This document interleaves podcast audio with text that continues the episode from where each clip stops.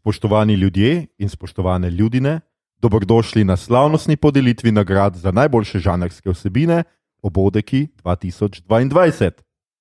To je zdaj aplaus, da Sam Igor je razumel, hvala. bra. Dobrodoš, dobrodošli vsi vi v dvorani, predvsem pa vsi doma pred zvočniki, ki poslušate 143 epizodo in peti novoletni specialc podcasta Obod, podcasta, v katerem za vas gledamo, spremljamo, beremo, preizkušamo in poslušamo serije filme, risanke, špile in knjige vseh žanrov, od F do Z, Obod, Oskarji. Obodeki, da! Smo, tako kot skoraj vedno, vaši današnji gostitelji, strokovnjak za barvne palete, kadre in žerjave, Mito Gigič, Servus. profesionalni razlagalec referenc, filmografij in avtorskih vizij, Igor Harp Jo, jo, jo. In moja micena malenkost, bralec, sanjalec in bogoiskalec, Aljoša Glamov. Uh, to, kar se nam bo na odru pridružila gostja, velika zabavljačica, težka človekoljubka in naša draga, predraga prijateljica, že 20, ne 25 let, to je seveda filmska kritičarka Ana Jurc. Čakaj, s to računico, da je živa. Živa. Ja, to je referenca. Kdo prepozna, kot je to? Um, referenca? Ne. Bom vam pustil eh, cel, cel podcast. En se bo že spomnil. Um, zaradi lanskih seksualnih škandalov smo se morali letos sicer odpovedati rdeči preprogi. To, da prireditev ne bo nič manj glamurozna ob vseh žanrih, ki jih nagrajujemo vsako leto, obljubljamo tudi dramo, se bomo zmagovalce razglasili v živo med samo prireditvijo. Kolikor le, bo le mogoče, se bomo zdržali kvarnikov, zato brez strahu preživite današnjo najdaljšo noč med prijatelji. In nikakor ne pozabite pred večerom napolniti baterije telefona oziroma tablice ali prenosnika, na čemerkoli nas pač poslušate, saj se v tej energetski vojni z Rusijo prav lahko res zgodi, da bodo zvečer gorele le še sveče. Maestro, itak. Ko pride polnoč. Oh, wow. Shameless.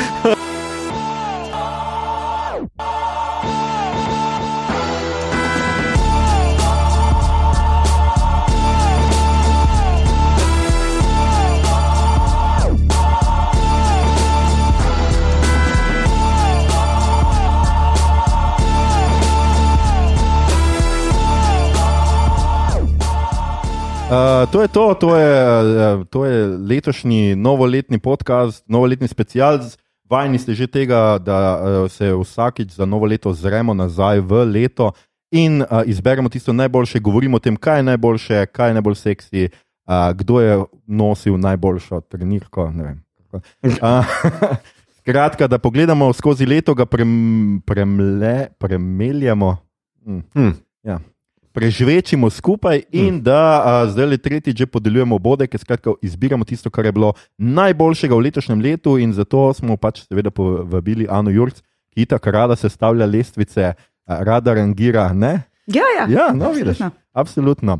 A, a, ano a, z nami, a, da nam seveda pri tem pomaga, da pove vse, kar je videla, in da tudi tistega, česar ni videla, tudi to je mogoče signal temu, čemu se mogoče izogibati ali pa ne gledati. Ne, ne, ne, ne bo to uh, merilo. Jaz pač predvsem gledam filme, tako da mi za serije včasih ful zmanjka. No. Um, ampak je pa res, da potem, če, mislim, če mi boste zdaj zadeve z antireklamirali, ne bom, ne bom šel več gledati za nazaj. Še tako verjetno, kot sem že umel na Star Trek, ne, ne bo se zgodilo, pač nikoli ne bom gledal. Kratka, uh, veseli smo, da te imamo, Ana, malo se moram prisiliti zdaj temu Star Trek, ta je bila malo mal, mal se zadrži. No, vsake Ja, okej. okay. okay. uh, skratka, šli bomo seveda skozi nominacije, uh, bili ste pozvani, da tudi vi glasujete na Twitterju, Facebooku, tudi na Discordu ste lahko glasovali. In letošnje pravilo poteka namreč takole: tri točke. Prinaša prvo mesto na glasovih na Twitterju, tri točke na Facebooku in tri točke na Discordu za prvo mesto, za drugo mesto dve, za tretje eno, in potem se to sešteje, in danes bomo v živo tukaj glasovali. Jaz sem, seš, jaz sem najprej podelil svoje točke, potem seštel z interneta, častna skautska, lahko mi verjamete, ali pa tudi ne. Ni važno, kaj ti, seveda, danes se še bojo podelile še devet točk za prvo mesto, in potem za drugo, čak dvakrat, tri, je šest, pa še tri točke za zadnji. Skratka, podeljevali bomo še točke tukaj v živo, tako da uh, bomo. Um, bo posebno jasno, mi bomo zbirali samo prvega, tako da bo šlo samo tri točke. Tako se pravzaprav sem mislil. Ja, Po mojem bo to najbolj smiselno. najbolj Jaz mislim, da moramo imeti tako kot Ema, a veš, ljudje blazno nekaj glasujejo, glasujejo, Tako. glasujejo, ampak potem pa pride žirija, pa bam, kar žirija določi. Pa pač. Ja, Pa na ja, ja, koncu- saj, kar želijo doroči, je the best. Torej, Itak, Mm, Joker, all over. ja, Joker out. ja, najboljša grozljivka. No, no, no. Skratka, uh, današnji dan bo poln napetosti in vsega drugega, in uh, mi bomo že počasi šli k uh, prvi, k prvi, k prvi Kategoriji. kategoriji. Še predtem pa, draga Ana, kako si ti kaj, kako, kaj počneš zadnje cajte? Um, z, z nerviranostjo gledam te meme, ki so v smislu, da ne vem, kjer dan je med 25 in 31. Uh, ne vem, krompir na kavču sem, samo jem, ležim, ne, na živce mi gre. Pač, jaz sem vsako leto v teh dnevih dela. Tako da, sam čakam, da bom im. Aha, sem čakal, da, boš, da bo mim. No. Mi se ti pridružujemo, tudi mi, ko me čakamo, da bo vse mim, predvsem ti. Uh, ampak ne, našla si pa čas, sestavlja si pa lestvico. Tisti, ki niste slučajno videli, dodali bomo Mhm. seveda spodaj v naše zapiske, lestvico najfilmov uh, letošnjega leta. Tako da, um, Mhm. Ja, hvala za to. Mislim, vedno je smoten, ker, ker se ne da za res, ali pa jaz nisem dosti semati- sistematičen, ne da se za res odločiti, kateri filmi so letos, pa kateri niso. Ne? V smislu, kateri Ja. so lanski, pa jih Ja, lani še ja. nismo videli, pa pol nekaj, ki je bilo lani januarja, a zdaj to nazaj vam vleč. Nekaj, ko v bistvu bi zdaj že lahko pogledal spiratizirano, ampak recimo film Tar, ampak mm, mm, uradno pa, a to spada ali ne. Tako da je to vedno je mal smoten. Ja, ampak eh, dobra lestvica. Ja, meni tudi. Ja, ja. No, ampak Tar Ja. pol nisem upoštevala. No, vse, vse deloma tudi sklada z Obamovo prekriva. Dem, ampak kada sem bila prej mogoče. Um, ja, super. Uh, definitivno je tam kar nekaj takega, kar ni žanrskega in kar si pač pogledate na Ani ali lestvici. Je pa se vmes našlo tudi kar nekaj žanra in o čemer bomo tudi danes govorili. Tudi mi smo imeli kar nekaj težav s sestavljanjem, kot imamo vsako leto, namreč kaj sploh sodi v katero od kategorij, ker seveda kakšna serija ali pa film lahko sodi v tri, štiri različne kategorije, tako da smo se mal prepirali, mal smo cenkali, mal smo prosjačali, na koncu pa nekaj sestavili. In gremo k naši prvi kategoriji, ki je tako kot vedno znanstveno-fantastični film oziroma serija, kamor spadajo tudi utopije, antiutopije, postapokaliptične in alternativne realnosti. Skratka, sem spada marsikaj, marsikaj. In prva kategorija je seveda film, smo rekli.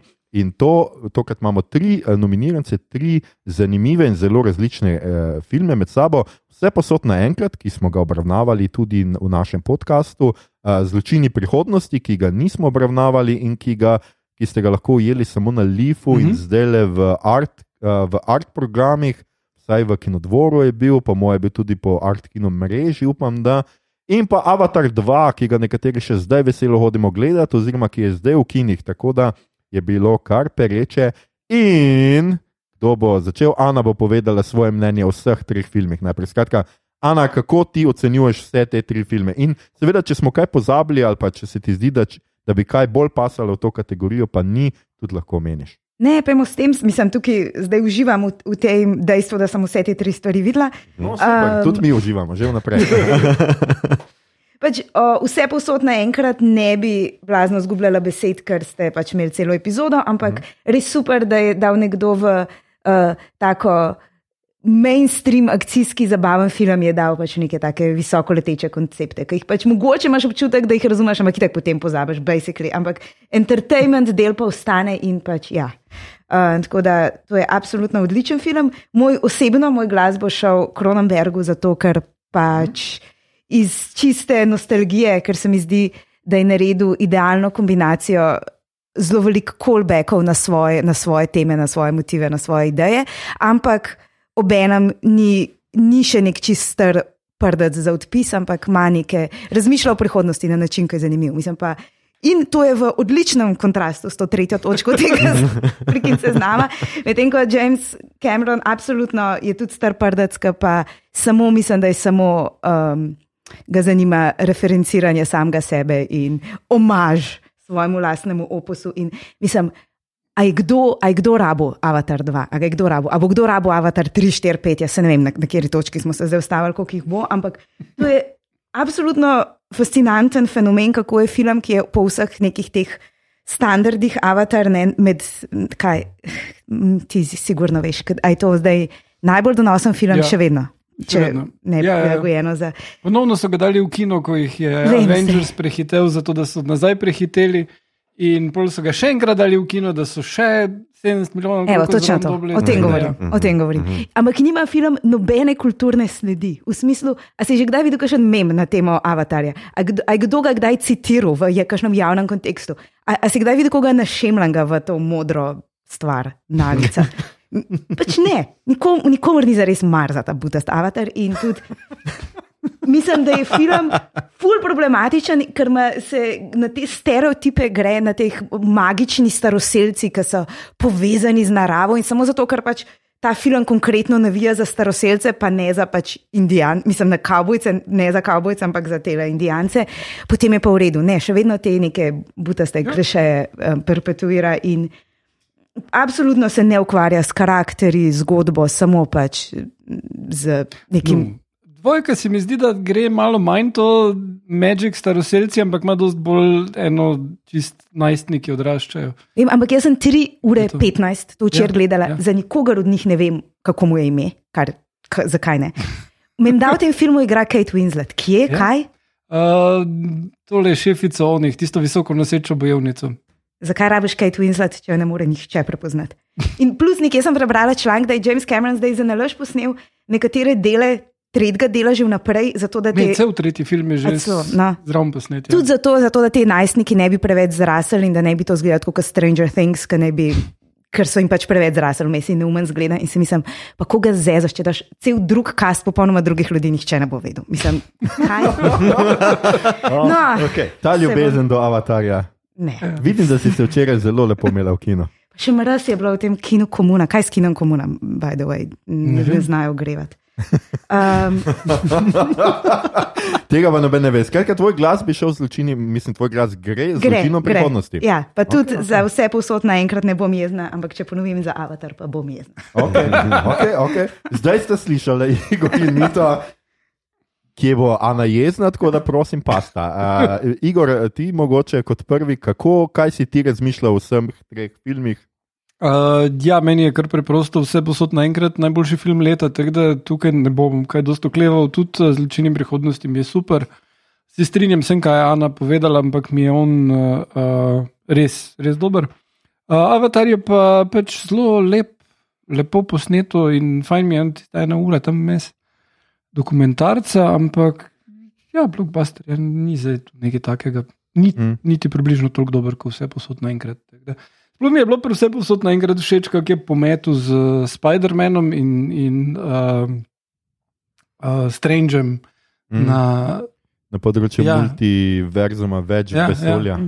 To, to, to mi se je ful dopadlo in dejansko so v enem letu trije filmi, ki se s to temo ukvarjajo, prišli ven in ona dva čist pozabo, zakaj točno se je šlo. Pri Spider-Manu vem, da so se trije Spider-Mani igrali na koncu skupaj in to je lušno.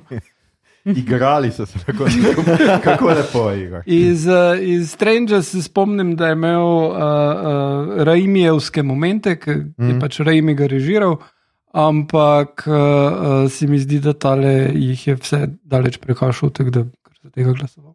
Ok, ok. Uh, Mito, kako si ti? Ja, jaz sem previdno uklonil uh, tukaj uh, vse posod naenkrat.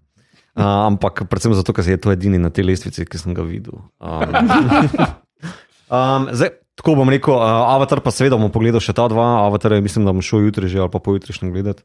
Um, ampak na, tudi na podlagi uh, trailera, vsebine, pa tega, kar ste že vi tukaj povedali, mislim, da bom vseeno uh, suvereno komod dam vse posod naenkrat moj glas. Uh, predvsem zaradi tega, ker mi je najbolj drzno v smislu uh, prijemov, ki jih uporabim na, uh, v, v smislu filmske obrti, no? uh, kako je ta prezentacija dostavljena. No? Um, tu se mi zdi, da je dosti bolj drzen, kot pa rečemo bolj spolirani. uh, Avatar. Super, super. Ja, tukaj smo imeli kar nekaj dilem, predvsem zaradi tega, kaj sploh z avatarjem, ka- a je to res science fiction ali je to bolj pustolovka, fantasy, tam nekam smo Glej.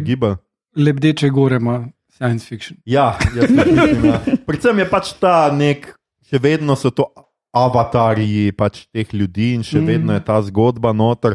Tako da to je en tak ZF element in je čist prav, da je ta stvar tle noter. A jaz tudi, če nisem, jaz moram priznati, tudi avatarja, tudi če jaz nisem uspel pogledati. In Ampak nekako, glede na to, da nisem niti fan prvega dela, blazen, da se mi je zdel ok, vizualno čisto ok za pogled. Sama zgodba mi je bila, bila še kar dolgočasna. Eh, Pričakujem, da tu bo dvojka tudi nekaj podobnega. Pač vizualno pričakujem, da bo v redu, ampak sama zgodba, pa zdaj ne pričakujem, da bo to ne vem kaj. Zločine prihodnosti sem se včeraj lotil, ampak tako kot je rekla Ana Fulje, naš ponan film, kako bi človek rekel, in ga nisem, priznam, nisem pogledal do konca. Bil, zelo pozno sem ga šel gledati, bil sem zmatran in ga bom kdaj drugič, ampak uh, moj glas gre seveda vse posod naenkrat, ker je tudi za me to najboljši film lanskega leta. Uh, predvsem tudi zaradi tega, ker nisem videl dosti lifa letos, uh, ful mi je zmanjkalo pri art programu, sem pa pač pogledal tok nekega žanra, ampak znotraj tega vse posod naenkrat izstopa na vseh kategorijah. Tudi če bi zdaj vse skupaj zmetal, bi verjetno bil za me to najboljši film tega leta. Zato uh, enako sem glasoval z- za njega za, na lestvici, kaže filmo, kaže ima, pa, pri čem pa tljak, pa uno organizira. Moteka ali kaj že ti. Ne. Vse o filmu. Vse v filmu, ja, mogoče. Nekaj takega, skratka, vsi Ja. ja. glasujemo, pa noben od nas ne ve. Ampak skratka, na tisti lestvici, zraven tudi tam sem glasoval za njega. uh -huh. In uh, vsi naši glasovi, razen Aninega, so šli za njega, to, tako da si lahko ste pripričani, da se ve, da je vse posod na Jaz sem enem. tudi v ekranu zaglasoval za njega. Aha, no vidiš, jaz, pa, jaz sem leto za ekran, sploh ne spomnim. Uh, za ZF je seveda najboljši ZF leta 2022, je vse posod naenkrat z 18 točkami naskoka pred 8, ki jih imajo zločini iz prihodnosti in pred mizernimi štirimi, kolikor jih je zbral Avatar, ki je na Twitterju bil sicer drugi, drugače posod zadnji, uh, vse posod naenkrat je bil pa povsod prvi. Ah, in na Discordu, in na Twitterju, in na Facebooku, na, twi na Twitterju z 59 odstotno prednostjo, tako da bi bil tudi izvoljen v prvem krogu predsedniških volitev. Um, in gremo na serije. Zdaj, Ana, vem, da praviš, da nisi vsega pogledal, ampak mogoče nekaj iz teh kategorij. Mogoče pa si, glede na to, da sta noter kar dve zelo močni seriji, razmišljali smo, kako to sestaviti. Meni je ful žal, ker je ta kategorija zdaj tako polna nekih serij, še kup stvari je tudi izpadlo ven, ampak na koncu smo se odločili za prvo sezono Severance, uh, za, smo, o kateri smo delali podcast. Postaje 11, o kateri bomo delali naslednjo epizodo podcasta, in Star Trek Strange New Worlds, o kateri bomo delali verjetno ne vem, 300 sezono, epizodo podcasta, ko bo Aljoša prišel do tja, nekje tam. Uh, to so naše serije. Ana, si kaj od tega uspela pogledati? Ja, sicer imam to um, isto situacijo, kot Mito, tako da eno stvar in bo zato lažje glasovati. Um, In to je Severance. to je Severance, Mhm. zato ker pač ja, ZF serija je kot koncept nekaj, česar ne hodim gledati, ampak potem, ko mi nekdo reče koncept, obstaja možnost. Da odklopiš svoj službeni možgan in ne veš doma, kaj delaš v službi, in, in sploh ne veš, da, pozna, da, da, da tam karkoli je. Pač zelo lahko mi je bilo to prodati. Um, jaz se prijavim, prosim. Uh, imam eno vprašanje. a Potem, če bi to izvedla, bi bila ena od tistih, ki pišejo jezne komentarje na tvoje članke. A ne bi bilo, a ne bi bilo to slastno, kaj ta kura. Ja, no, glavno. Um, tako da, ja, ta serija je že zaradi tega mi je, mi je čist vredna glasu, ker je pač konceptualno tako zanimiva. Zdaj, dobro, gledala sem jo takrat po letu, se v enem šusu, ampak, kot se spomnim, so na koncu že zelo zaštrikali. Mislim, zelo veliko enih odprtih niti je bilo in jaz sem vsem zagovornik tega, da dobro, konc sezone moramo čakati naslednjo, ampak dobro veste, da nam ne boste dali tako dve leti noč, a lahko kakšno zgodbeno nit mogoče zaključite. Pač vse je absolutno odprt, um, do mere zelo težko rešljivega. Pa tudi vizualno se mi je pol na neki točki zdel mogoče malo lena, da so, da so dali pač neko tako distopično praznino in to je to, da so mogoče malo zadeva roko naredili. Ampak vsem pač me zanima. No. Tako da um, dovolj dobro. Okay. Okay. Um, no, uh, Igor, boš ti prodal še postave 11? Uh, ja, moram reči, da koncept Severance mi je amazing in, in sem čisto odpadel. In kar me je še najbolj presenetilo pri Severanceu, directed by Ben Stiller. wow. Ja. Mislim, uh, 2008 je naredil dober film, bolj pa nič več. Mm. Mislim, ona, da ne more, bilo tako, eh, ostalo je bilo za nič. glavnem. Um, ampak ja, postaje 11, je, dajem jaz glas, ker pač imam eno bolj intimno navezavo, uh, zaradi katere tudi uh, prevod ni med nominiranimi. Ampak eh, serije pa nisem pomagal. Nisi, nisi Ben Stiller, noč pomagal. Uh, ne, pr, ja, uh, Stiller, postaje sem se 11. Ja. Uh, 11. uh, ja, lepo mi je narejena. Uh, Zdaj se bomo naslednji teden kaj več menili, ampak uh, ja, res je lepa, odbita serija. Lepo mi je. narejeno. Lepo. Naj, najlepši Konc sveta komentar, ima. komentar Igorja. Ja. Najlepši konc sveta. Uh, Mito? A, jaz sem dal pa glas Severance, uh, prvi se, uh, torej, ja, uh, Severance. Ne, Kljub temu, da se, ne, uh, kljub, meni so vse tri serije super in že tako mi je bilo težko kam postaviti. Vsaka ima svoje pluse, vsaka ima svoje minuse. Uh, Star Treku bom nisem dal zato, ker ja, sicer mi je zelo všeč. Uh, mislim, da je ravno prava. Prav koncept, pa način uh, pristopa do te materije v tem trenutku in času, še posebej po zelo slabih izvedbah um, zadnjih, uh -huh, Discovery. uh, po Discoveryju.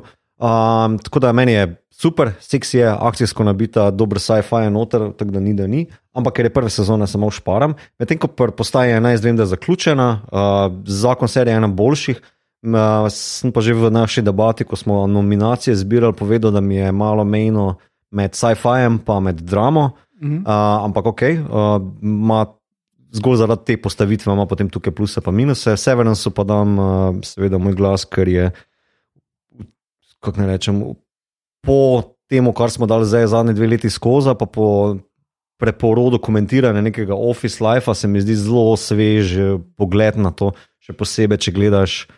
Če si med pandemijo mogoče office gledal tako kot jaz, pa potem prideš na sever in si misliš, oh, yes, zelo sveže, bomo deli. Tako zelo, zelo super uh, zadevce je. Se pa strinjam z Ano, da mogoče postane malo utrujena uh, v vizualnem smislu. Upam, da bojo to znali nadgraditi, mogoče nek nov mm. level v tem Lumosu ali kva že odkriti in da bo čist drug 80s vibe, mogoče kot je bil bolj 70. O moj bog. 80s vibe. A ni imamo že dovolj serij z 80s Ja, vibe. je moj glas. Ja. Um, ja, super. Um, zanimivo, jaz sem tudi dolg, dolg tuhtal. Jaz moram reči, da je to kategorija, kjer sem ena od dveh, kjer sem najbolj dvomil. A, Oziroma, kjer sem res najtežje odločil. Severen se mi zdi izjemna serija, vizualno se mi zdi tudi izjemna koncept, super, pač eh, ta raz, razdelitev spomina in vse to.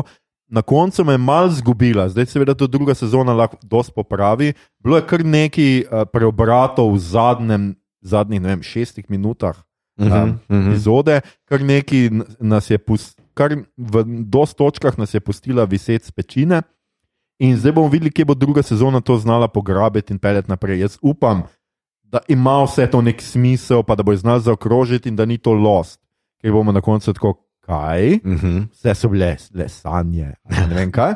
Ni izgledalo lost. Ja. Ampak ja, skratka, to, tako da tega me je malo strah.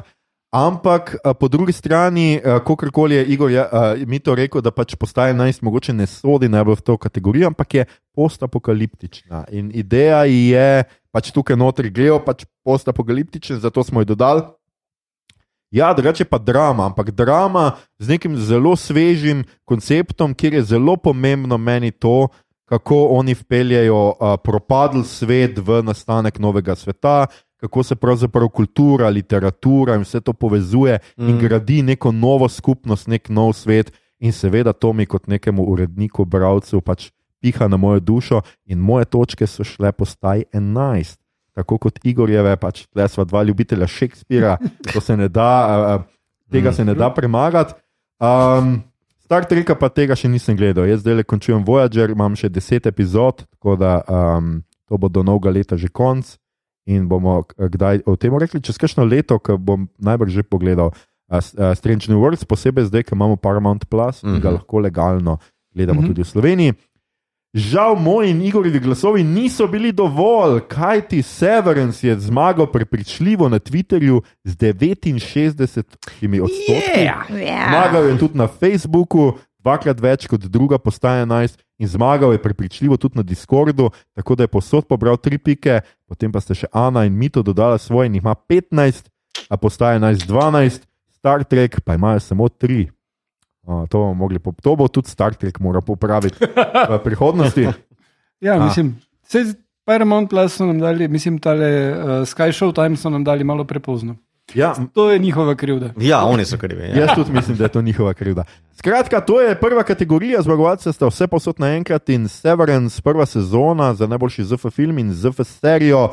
Tukaj imate, če še niste gledali, pogledajte zdaj obvezno, to je vaša domača naloga. In gremo mi k fantazijskemu, stripovskemu, pustolovskemu filmu oziroma seriji. Tudi tukaj smo imeli eno dilemo, lani namreč nismo uspeli obravnavati uh, Spider-mana Ni poti domov, ki se je zato prebil na letošnjo lestvico, čeprav tukaj je bila poplava enih filmov in zanimivo, ni se gor vrstil ne Črni Adam, ne Doctor Strange. Čak, uh, vem, da nisi videl črnega Adama, ampak ni imel šans, da bi se uvrstil na kako lestvico najboljših stvari. ever. Zanimivo mi je pa vseeno. Uh, ja, zdaj nisem ga na HBO-ju, zdaj ga bom zdaj pogledal ta, ta teden. Glej, ali, ali pa tudi, če ne. Ne, ne, valjda, Ne, to ga treba, to moraš, Je, pogledam, to moraš pogledati, drugače nisi, nimaš tle kaj v tem podkastu delati. Uh, kratka, fantazijski, stripovski, postolovski film najprej, seveda, in med nominirami je The Batman, se pravi tisti, tisti Batman. Tisti ti Batman, šišmišma, to- Točno, to ti Batman čuj. Uh, potem Spider-Man ni poti domu uh, in pa Del Toro Pinokio, skratka ostržek. Uh, in ne od Beniša del Tora, ampak od Guillerma del Tora. ja, lahko bi ga on igral, no, mogoče bi kdo pomislil. Uh, skratka, Pinokio, ki ga lahko gledate zaenkrat samo na Netflixu, ker ga seveda pri nas ni v kinodvoranah. In Ana je seveda pogledala vse te tri, ker je ljubiteljica ostržka in Um, ni tako, prav, mislim, to zdaj, po mojem, si bom, čeprav si nisem že prejšnji zaslužila nekega Bena, pa sta me vse nazaj. Um, jaz ne gledam Spider-Mana, ker mi je Spider-Man frikin dolgočasen in vem, da je imel Uh. revival in da je zdaj kao od Uh. Spider-Man v redu, ampak ni, brez vezanja. Tako da, glavnem. če pa Tom Spider-Mana jaz- Holland. V celoti, ja, pa, pa še so Tom Holland mi je všeč, pač pripravljena sem na internetu spremljati njuno zvezo in vse, ampak z. Zendajo, ampak A Ja, ja, Ova se. ova. Ja. A vidiš, ne, ne, med- da mi iz tega se ukvarjate s Spider-Manom. No, tako da pač ja, načeloma bi za izobrazbo verjetno, ampak zdaj moram iti že tok nazaj, po mojem, do Andrewa Garfielda nazaj, moram iti, ne da se mi, ne bom. V glavnem, Spider-Man ne vem, pač gotovo mi Eh, boste povedali, ja. zakaj je super. Ne, Sem pa, ampak animirani Spider-Man, Vem, ki to zdaj mi- pride To si mi že parkrat je- rekel. Ampak ne. Pa zdaj dvojka pride ven. Ja, ja. Ve, lej, prav ti si glavna oseba, Igor, ki mi, ki mi vsakeč poveš ne, ampak je full dobro in rečem, ja, moram pa res pogledati, Ja. ampak mislim, Ja. da ne bom. Ja, Tudi zdaj. naslov spremeniti. Spider-Man Ja. ni potik kani. Um, kar je pa ne po drugi strani, imamo pa totalen, razumeš, overflow Batmanov, mislim, rebootamo tega Batmana na dve leti, se mi zdi. In mislim, tukaj, aj se tukaj pojavi še en Joker, oziroma začetek, zametek še enega Jokera. Mislim, tako, a res, Ja, ja. a, me, a se zafrkavate. Ne. Ko, dž, nisem. Ja. Dobar, ampak mislim, da bi celo, celo mogoče bi glasovala vsem za Batmana, ker mi je pa všeč. Mislim, se vem, da je že skoraj parodija to, da zdaj vse delamo temno, temačno, temačno. Mm -hmm, ampak če pa je kaj lahko temačno, je pa Gotham lahko temačen. Mm -hmm. In pač všeč mi je, da to ni akcijski film, ne zanimajo me avtomobili, ampak pač ta sad boy trauma, on je zelo bogi, revaš, kar je pač. Ampak to je jedro tega lika, niso si to, ne, niso si to zmislili pa unesli enemu drugemu liku, ampak pač.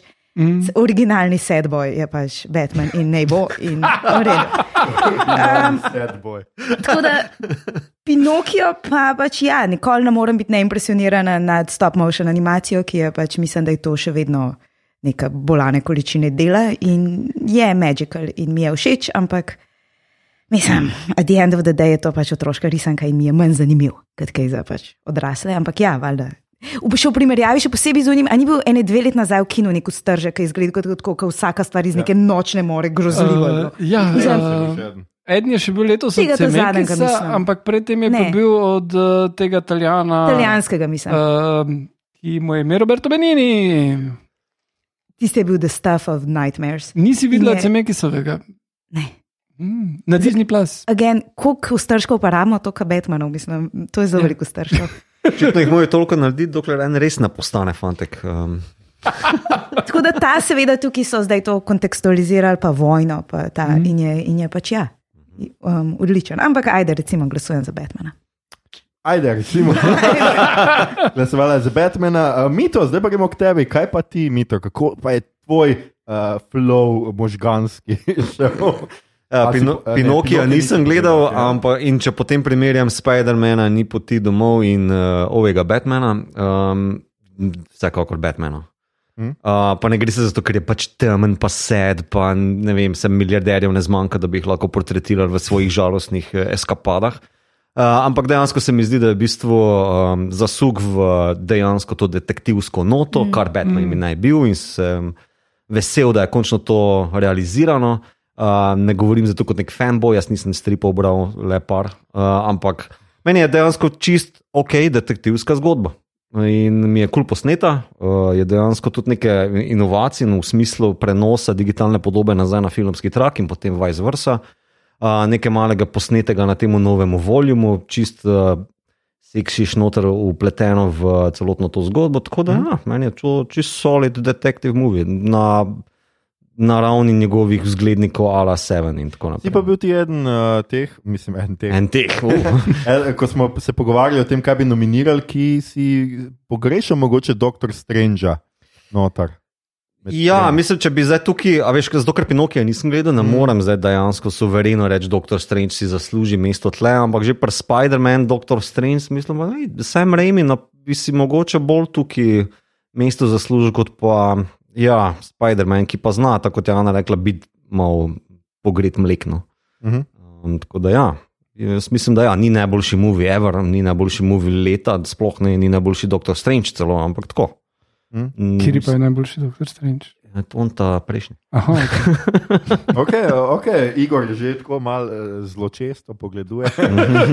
Povej, Igor, kaj, kako pa je šel tvoj uh, flow? Uh, mislim, Spider-Man je bil čisto slušen. Uh, Pinokija še nisem pogledal, ga bom zdaj uh, čez praznike, se, se že veselim. Uh, ampak smo v drugih stvari še za videti. Uh, Tako da, ja, mislim, Batman je pa Batman. Mislim, jaz sem diplomiral z Batmanom, ne, ne rekel Batmanu. Da, uh, mislim, meni je še ta slabi Batman film, so mi boljši kot ta dobri Spider-Man film. Da... no, pa sem fan Spider-mana, ampak ja. Uh, tudi če bi bil kluni, not bi mi bilo kul. Cool. Tebi še všeč, ono kaže Batman Ninja. Ninja Batman je, gledaj, nerazumljeno. Podcenjeno, rime gre. okay. Ninja Batman. Ja. Skratka, ni, ni, ni pa ti bil tok Spider-Man, da bi.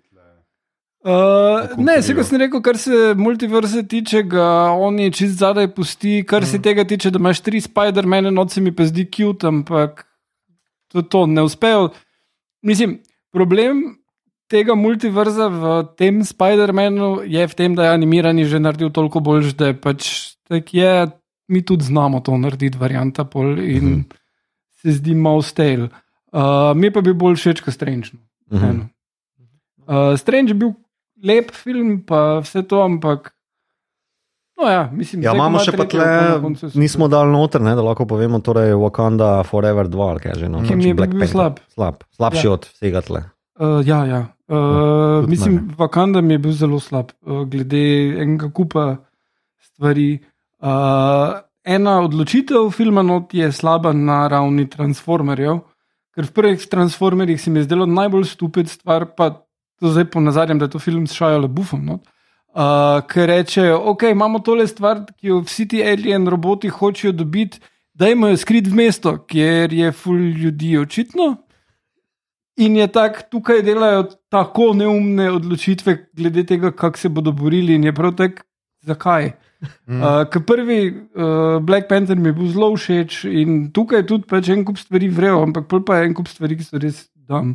Pa ful je preveč uh, Marvelovski v stilu, da uh, uh, je usiljeno noter, gled, uporabimo tega lika, predstaviti pa tega, pa tega, pa hmm. malo bomo šli tja, zato ker bo še pet serij. Pol, okay. Ja. no, ampak jaz bi na mest, recimo Black Pantherja, bi jaz um, sub, uh, zamenjala in bi pač un del, ki je bil pač meni najbolj.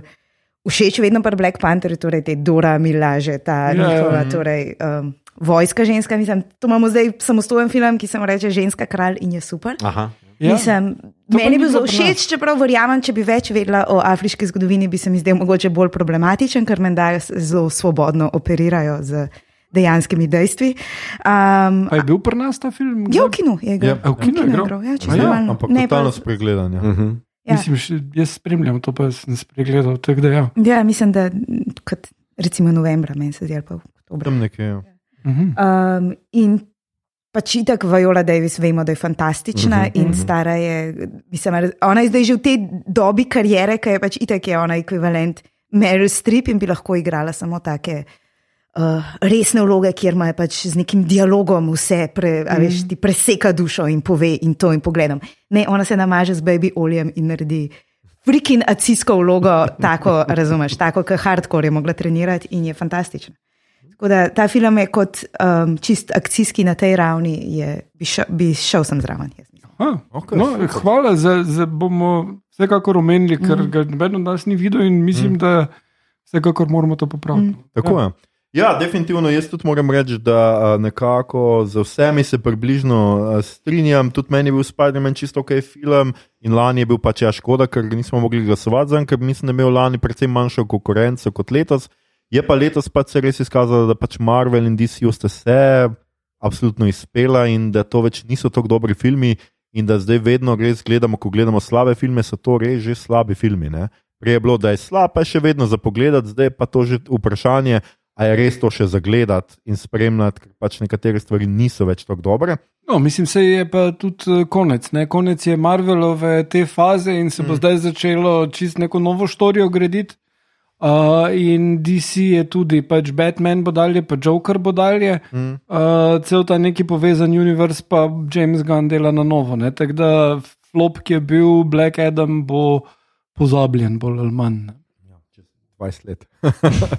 um, ja, tako da tudi moje misli so nekako. In čeprav imam jaz, recimo, sem bil predvsej bolj rezerviran do Batmana, kot je mogoče kdo drug, meni pa so bile stvari grozljivo slabe, tudi tle. Pač, zakaj rabiš, ne vem, največji detektiv si, pa rabiš ne vem, koliko v gang, zato da ugotoviš, da je največji mafijec, največja baraba v mestu, to se mi zdi malo tako. Ok, no, Batman, ok, res. Povedal ti je praktično. Ja, ja, on je, veš, ja, da, takega veste, gledamo in za katerega vemo, da je bad guy, je bad guy. In nekaj, eh, ne bom preveč šimfa, ampak pred kratkim sem gledal en film, kjer je nekaj podobnega.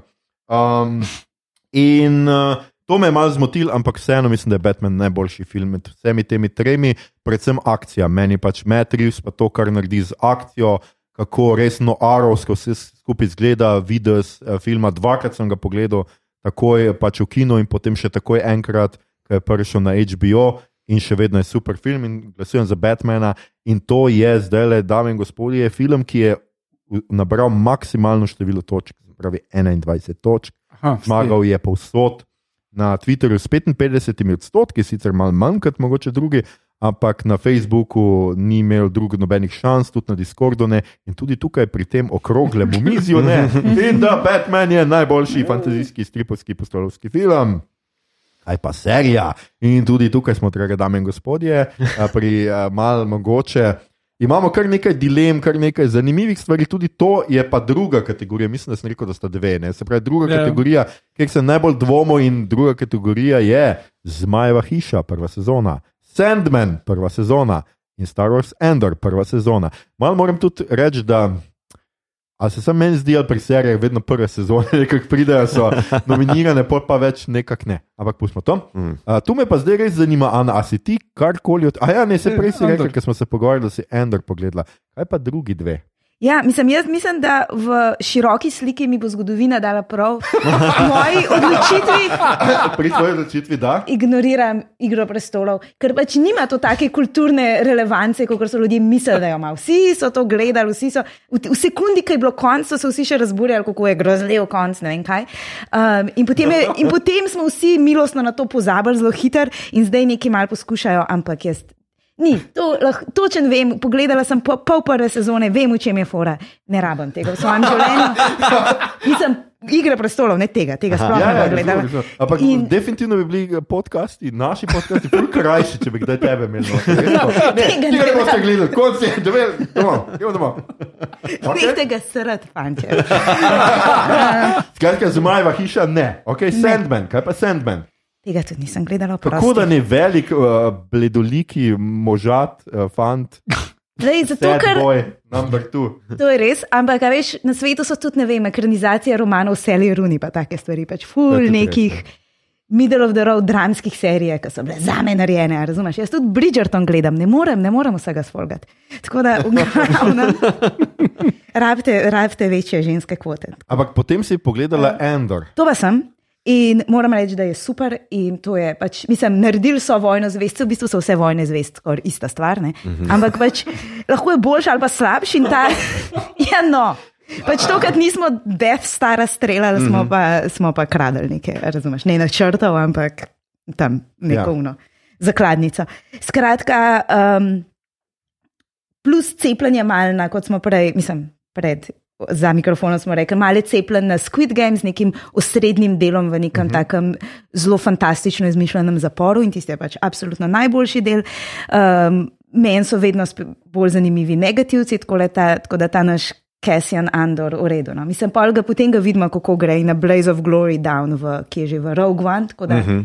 um, imamo to vrsto navezave na njega, ampak trenutno ni ful zanimiv. Tudi ta njegova, ne vem, semi mogoče ljubezenska zgodba s to revo talko, ki jo mogo rešiti. Mm. Srednje. Ampak vsem mislim, da je ta, um, ker vojna zvesti dajo vedno občutek, da obstaja ogromen nešteto majhnih zgodb in to je pač ena od teh majhnih zgodb in to je življenje navadnih ljudi v fašizmu in to je zanimivo. Mm -hmm. Plus pač naciji element je vedno zelo dobro tukaj predstavljen, lahko ga zelo lahko identificiraš, ampak um, tukaj je tako jasno povedano, da vsi razumejo, kdo so negativci, tudi, tudi tisti ljudje, ki v resničnem življenju mogoče tega ne razumejo čist. Plus, plus tukaj tudi vidimo, da revolucije niso čist čistene, v smislu tudi naši good guys niso zares. Ja, to je referenca na OF. Joj, ne, prosim. Super, super. Skratka, Ana Jurc pa gleda Star Wars, vsaj neki smo Ne, dosegli. nekaj pa le, z nečem si Ja. pa moram zaslužiti. Bila. To smo pa zdaj zelo, zelo Po zadovoljni. 140 delih, končno. Ja, zato sem prinesel Rafaelo. Gledam, super, super. Um, ok, ampak je bila odločitev kaj težja, mi to recimo zate. Ja, za me zihar. Ker posebej, ker ti si imel kar rad in Zmajevo hišo in Sandman. Ja, vse so super. In Star Ja, Wars. vse so In, super. ja, no. okay. Star Wars mogoče imaš tudi rad. ja. Um, sicer sem dal glas Star Warsu iz točno teh istih razlogov, Aha, kot okej. sem jih v epizodi omenil in ki jih, jih je zdaj ja, Ana lepo povzela. ne. Um, pri Zmajevi hiši pa Sandmanu se mi pa zdi, da sta Sandman je nekako um, zanimiv lik, pa je ena taka sveža um, zadevca, no vse za me. Um, ker je tako lepa mešanica dobrega fantazija, pa tudi ta emo uh, bogec, ki se potem sprehaja z drugimi bogovi in razmišlja o življenju in smrti in spanju in nesmrtnosti in hudiču in ne vem še čemu. Kao je čist fajn, je čist lušen, zabavno je. Uh, Zmajeva hiša se mi pa zdi, da je v bistvu nekako um, je ta dobre zadeve iz Game of Thrones uh, pobrala, mm -hmm. mogoče nekaj naučila, pa mogoče še en level više spostavila, predvsem kar se tiče uh, likov pa dialogov, da so naredili zelo, zelo solidno epizodo, mislim, pardon, epizodo, sezono. No? Uh, mene noben del ni pusto ravnodušnega, vse je bilo vedno fulno napeto in kričeče dobro. Ja. Lepo. Ok, uh, Igor, kako pa se je tebi zdelo? Uh, ja, jaz mislim, da med nami najmanjši fan Zmajeve hiše bil že, ko smo snemali epizodo. Mi je čist kul, cool, ampak. Uh, ja. um, Tako da potem sem se odločil med Star Wars, Endor in Sandman. In, uh, uh, v bistvu mi je mogoče celo Endor boljši, bolj presenetil, ampak uh, pri Sandmanu mi je pač že strip vedno bil toliko všeč in uh, je res, res dobra in verna adaptacija.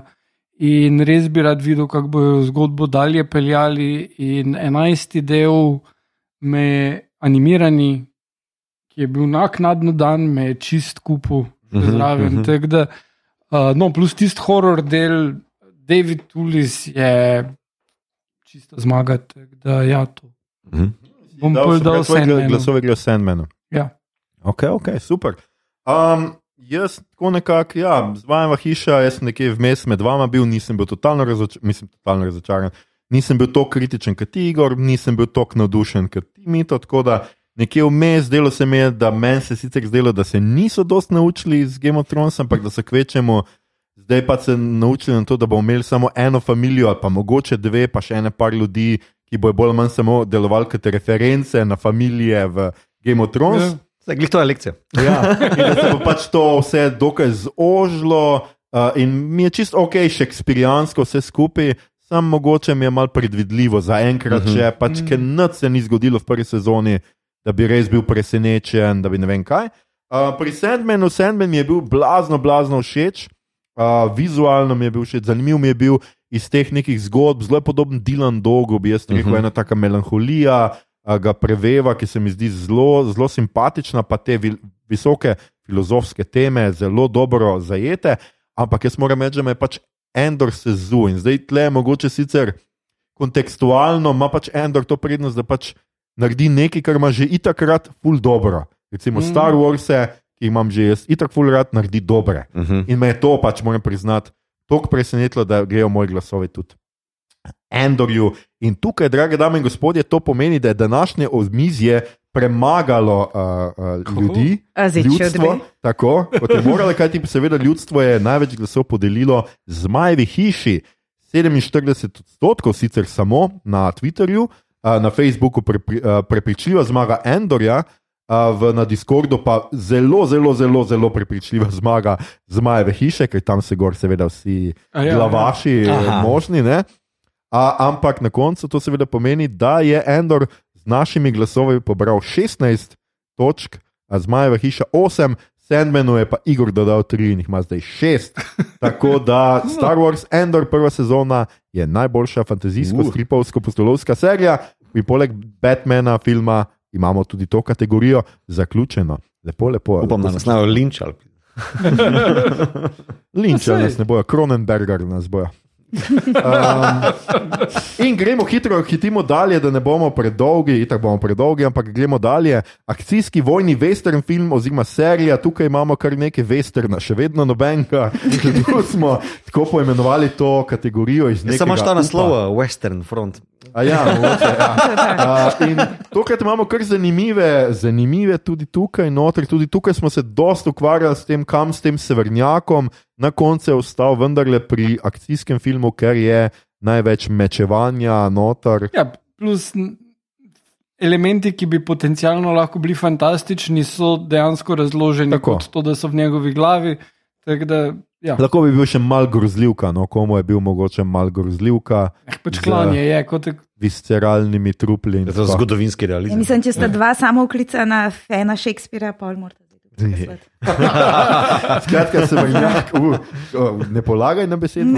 Skratka, severnjak uh, je tukaj nominiran, potem All Quiet on the Western Front, ki je prišel tiho uh, na Netflix, ampak dosegel kar precejšnjo uh, ogled, gledanost pri nas. In pa seveda Top Gun Maverick, najfilm tega poletja. Leta. In tukaj se Ana že nekaj pripravlja, da pove. tako da ji bom takoj predal besedo. Ana, gotovo si glasovala za moške, ki na plaži igrajo. Če to kot ne odbojko, ampak Neki- rugby igrajo. ne, to Aj, mislim, važen. Ameriški nogomet. Ja, gledaj. Va, Absolutno je važno, ker to je razlika v primerjavi s prvim delom. Mislim, a, boš, a je tvoja teza, da je v Top Gunu več testosterona kot v severnjaku? Mislim, da je to. Uh, Bolj, več je humora ja. ja. tukaj, dej, čeprav. No. Kaj, kaj pa jaz vem, a veš, Um, tam meči, tam pa uni letala. Ne vem, jaz, um, ja, mater, tole vse. Oh. A lot. No, it's all a lot. Ne, tako da jaz bom, razumeš, jaz glasujem za severnjaka, zato ker gre tako delač, da mislim, da je, mora biti malo neke samoironije tukaj noter. Ne vem, aj sto procentno. Mislim, vem, da deluje, da je sto procentno resno mislil, ampak.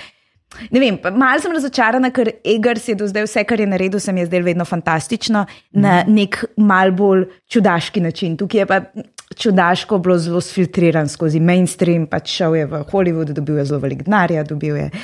Um, tako da mogoče ni mi, ni mi to na nivoju njegovih prejšnjih filmov, ampak razumeš na koncu. Pride v neki logični konsekvenci nas pripelje do tega, da se dva gola moška mečujeta pred bruhajočim vulkanom in je to smiselno in se mi zdelo, lol, evo, tukaj. tukaj. to je to, masculinity um, na, na trojno potenco. Tako da ja, meni je to smešen, um, glasujem za severnjaka. Um, čeprav seveda, mislim, težko je zignorirati Top Gun, zato ker je to najbolj Tom Cruiseovski film, kar je kdaj Tom Cruiseov. In je pač Respekt. Model, model je glikar posnel novoletno čestitko ali zahvalo fenom, za pač, ker so šli vsi v kino, medtem ko se je vrgel dol za aviona, preden je odprt. Mislim, to moraš spoštovati.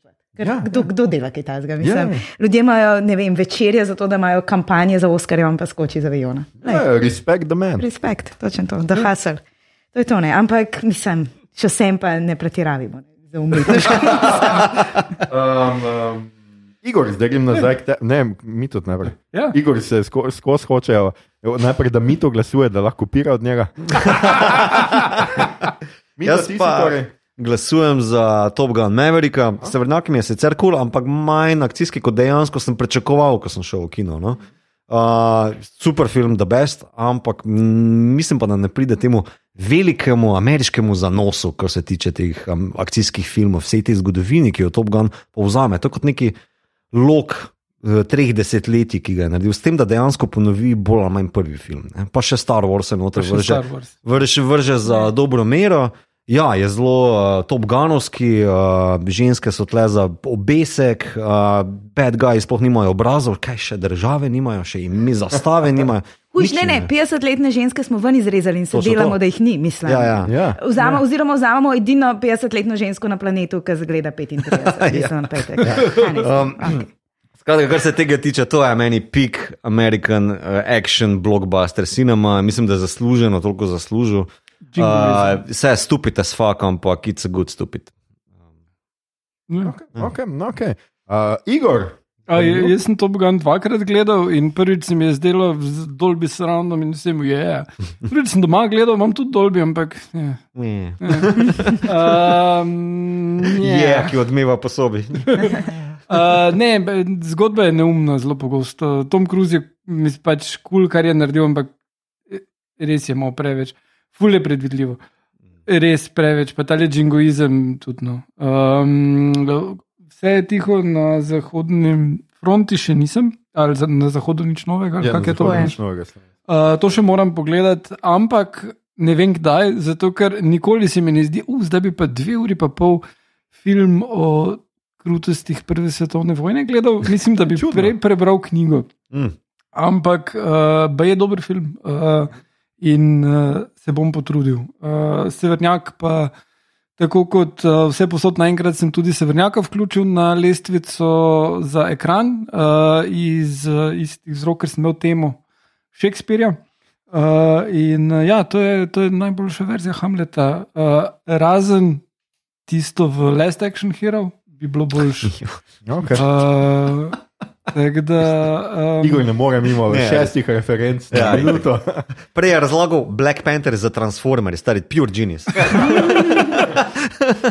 Uh, no, pri Severnjaku bi rekel, da pač, ja, to, kar je Jana rekla, je full vrejo, ampak meni men se je dopadlo to, da resno uspe prikazati, pa mislim, da sem ga jih trikrat pogledal, resno uspe prikazati to, uh, vse te nadnaravne stvari skozi uh, njegovo perspektivo. Torej, to je tako, ker on v to verjame. Uh, malo teh stvari je imel, teh elementov je imel že pri čarovnici, pa tudi pri uh, svetilniku, ampak uh, tukaj je to najbolj preprosto, pa najbolj direktno. To se No. meni zdi isto pri Top Gunu, tako je, zato ker Tom Cruise v to verjame. Ja, Ja.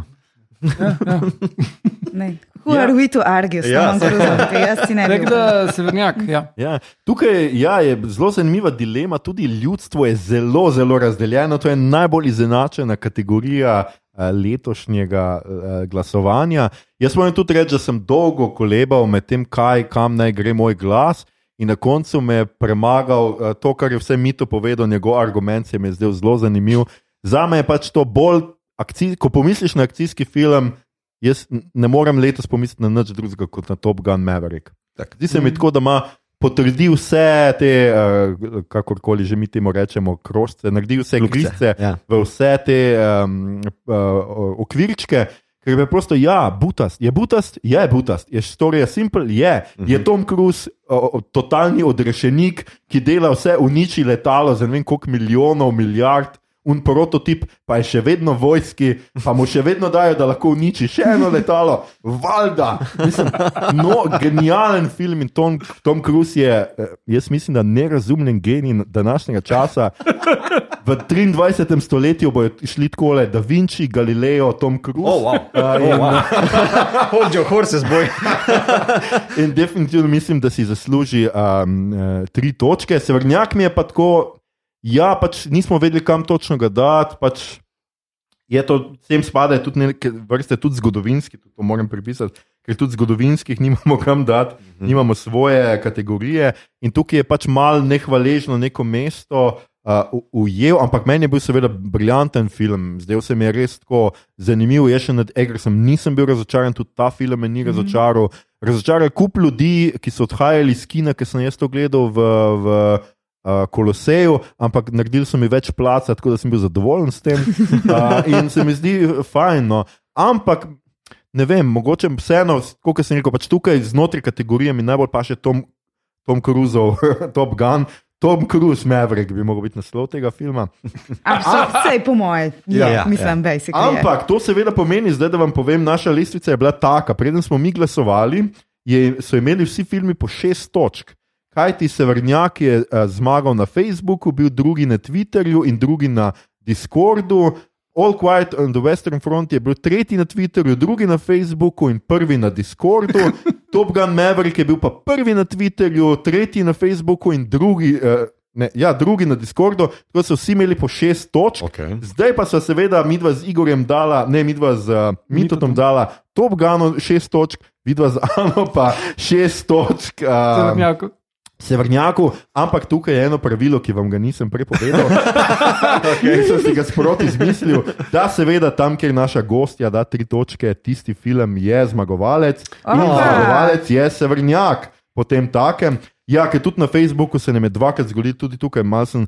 Dal sem uh, prvo mesto Severnjaku, čeprav je bil izenačen z All Quiet on the Western Front, ampak je Severnjak dobil več srčkov.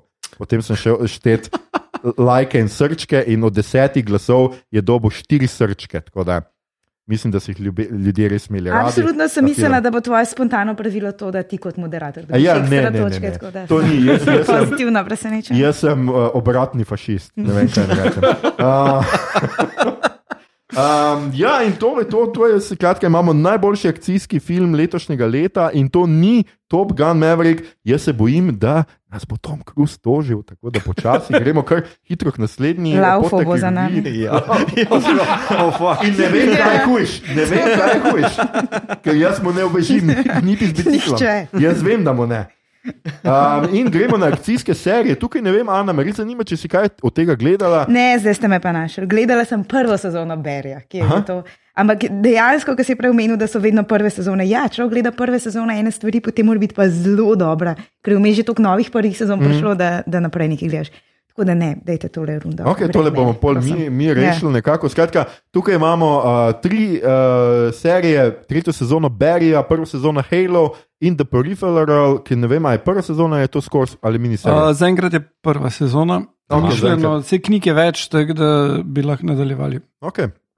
Okay. Jaz Peripheral nisem gledal, tako da tu težko Tudi rečem. jaz Tudi ne, Halo tudi nisem jaz ne, gledal. tudi tako da jaz tudi ne. jaz Tudi jaz rečem.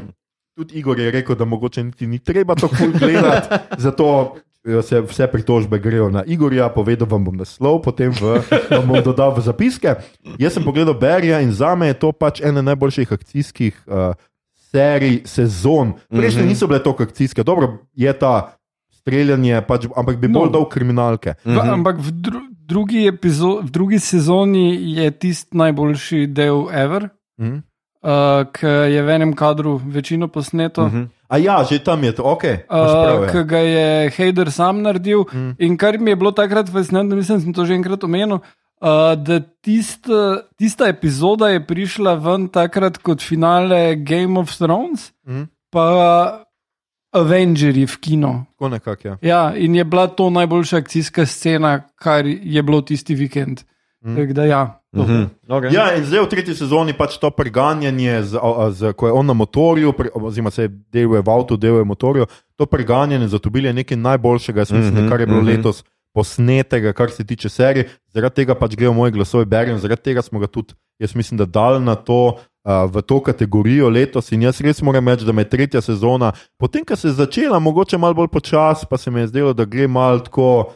V Izi, potem pa ta, ne vem, kateri epizoda točno je bila to, je pa eksplodirala in ti res servirala eno super, super serijo in zato pač moje točke grejo Beriju in nobenega dvoma, niti malo dobro, v njih dveh nisem gledal. Ampak bo Igor povedal, zakaj v njih dveh, oziroma Peripheral je Igor gledal in pravi, da ni slab in da ga gledate. Ja, Peripheral je kul, cool, uh, temelji na romanu Williama Gibsona, Chloe Grace Moretz, Moretz je v glavni vlogi. Uh -huh. Uh, in ima zelo hud sci-fi koncept, uh, smo ga pa vseeno dali v akcijo. Uh, in koncept sci-fi je, da dogaja se v prihodnosti, kjer, so, uh, kjer imajo uh, VR, je dost kul cool zadeva. Še ena zadeva pa je, da so povezani uh, preko vsadkov ljudje, uh, lahko med sabo ali z mašinami, recimo drone kontrolirajo z roke, basically. Um, In uh, ta glavna junakinja misli, da je v neki igri, da pač neko novo igro testira, dejansko pa se poveže v prihodnost, uh, ki je pač dosta apokaliptična, ampak bogataši so preživeli in ona tam enega robota kontrolira. Uh, ampak fora je pa v tem, da kakor hitro v tej prihodnosti naredijo. Um, Postavijo kontakt s sedanjostjo, torej z nekom tako, kot je ona, uh -huh. uh, in naredijo stub, uh, je to druga, drugačna prihodnost. Da, v glavnem, ta koncept je zelo postopoma narejen in zelo akcijsko vse skupaj. V bistvu ona se tam priklopi v misli, da je neka igra in izvaja takoj en hajst. In je čizdil, je, se lovijo naokrog, akcije, streljanje in vse to. In potem uh, ugotovijo hkrati tisti, ki jim je ona nekaj ukradla v prihodnosti, in pošljajo plačance nad njo. In uh, njen brat je pa bivši vojak, in marinci so kar pol razložijo, zakaj je celo njegov platon. Živijo par metrov bek od njega in se zberejo, in je potem še tam fajn. Uh -huh, uh -huh. Glavnem, ogromno ene akcije, zelo dobro narejena, avtor je Vincenzo Natali, uh, mislim, režiser uh, in showrunner, ki ga poznate iz Kocke. Uh, zelo vizualno, lepo narejeno, tako da to totalno priporočam na Amazonu, ga najdete. Uh, Halo pa uh, so trenutki, ki je zelo kul. Cool. Uh, so pa cele epizode, ko sploh ni akcije, ni vesoljskih fajtov in si tako, zakaj to gledam, neko punco, ki potuje čez puščavo in nekega vojaka, ki jo mora variti. Ne, streljanje, da je to. No. Da, to. to. Ja, uh, in ja. Da je to. okay. ja. Mislim, obrnil sem špil pr, prvi in, in uh mhm. -huh. to še vedno se mi zdi edini razlog, da bi človek kupil Xbox. Uh, zelo kul cool špil je, ampak uh, to uh, ni toliko kul cool kot ta špil, je pa pač najboljši, kaj imamo. Okay. Torej, kaj si glasoval? Periferal. Aha. Uh, je, je, Igor je dal prvi. A ja, Berija, pa nisem tretje sezone še uspel pogledati. Ampak ja, periferal mi je res všeč. Uh, jaz pa Beri, drugi dveh nisem gledal in točno istih razlogov, kot si ti navedel prej. S tem, da jaz bom tudi dodal še, da se mi zdi, da je um, humor zraven akcije tudi v tretji sezoni dobo level 2 boljši za nos, no? Mhm. lepše spisane zadeve. Predvsem pa ta Berijeva malo že. Uh, ta tesnoba, no? ta, ta se bolj zašpiči in vse to skupaj postane dosti bolj uh, nevarno, hkrati smešno za tri. Tako da, ja, beri, beri je super. Uh, tudi ta bike chase, ki si ga omenil, to je bilo nekaj najboljšega letos. No, cool. Se veselim gledati. Okay, to pomeni, da uh, je uh, za glasovi tukaj Ne vem točno. Ja, ne, smo bili kar izenačeni posod, skratka na Twitterju je zmagal Berry, na Facebooku je zmagal Berry, na Discordu je zmagal Berry. Tako da tudi uh, najna glasova uh, nista bila stran vržena, tako kot mi, Igor. Uh, Igor je pa pri, priboril, uh, ja, no, se ni, se je tudi Halo, je posod bil zadnji, razen na Discordu, ker za Peripheral še niso slišali, očitno, ni dobil nobenega glasu tako da Peripheral drugi, tretji pa Halo. Skratka, s 15 točkami je tretja sezona Berija najboljša akcijska um, serija letošnjega leta in se pridružuje Severnjaku v tej kategoriji. In mi gremo uh, naprej. Um, uh, seveda uh, imamo zdaj le komični, satirični film, oziroma romantična komedija, in že tretje leto zapored mislim, da nimamo nobene romantične komedije, kar mislim, da kaže en. Uh, Uredniški bajas, ki ga bomo mogli nekako Ne, popraviti. ful je, ful je malo. Ne, ne, lepo, da si to rekel, ker sem jaz mislila to omeniti. Mislim, obstajajo. tiho bodi. Ni tako, da jih ni obstajajo. Mislim, Mis, mislim, ja, ampak uh, Lost City recimo, je bil meni ena najboljših, pa bi predal v pustolovski, kot v Romkom. ne, jaz pa mislim, da bi šlo tukaj, da, da je dovolj ohlapno, da bi šel Lost City tukaj, pa tudi jaz mislim, da bi šel Ticket to Paradise. Torej, Jaz sem pogledal, pa mi je malo, uro pa pol, ne vem, nazaj. vem, ampak pa tukaj imamo. Tukaj imamo dobri šef noter, kar ajde, v redu je satira, recimo, pa je, ampak tak najbolj standarden kinodvor film, ki ga pozabiš Ja, v, v, je. v treh mesecih. Bil je tudi na Obamovem seznamu. Ja, sucks for him. Ne, pač- pač ne, jaz imam zelo rada uh, Javiera Bardema in pač tudi ne mislim, da je slab film, samo ne vem, tak klasičen evropski middle of the road art film. Ok, no, pač, se ste mi dali eno zelo dobro možnost tukaj, tako da se ne bom pritožvala in sicer. Um, kar Okay, smo. čakajte, ja, sem, prosti, da, prosti. sem, da povem, uh, nominirance so seveda prehostak dve, dobri šef in neznosno breme ogromnega talenta in Ana seveda nadaljuje zdaj. Um, eno dobro šanso smo ti dali. Ja. Ja. Um, to vse, kar smo prej govorili o Tomu Cruisu, lahko pač še bolj rečemo za Nika Cage. Ne? Če, je, če je kdo najbolj Nick Cage, je to Nick Cage v smislu. Model Ja. je konsistenten, v smislu. Mogoče edina oseba, ki, ki jo lahko bolj povežeš kot Toma Cruza s predanostjo. V smislu ne na nujno akcijskim prizorom, ampak temu, da je v vsakem filmu je 100%. Čeprav se film mogoče izkaže za popoln trash ali pa za zanimivo, pač pig varianto art film, ampak on je predan temu in, in, in ne prime se tega, da ga ljudje karikirajo. Pa oponašajo, pa zajbavajo iz tega, da je pretiran, zato ker je pač tako iskren v tej svoji pretiranosti, da je to samo postal pač Nicolas Cage način.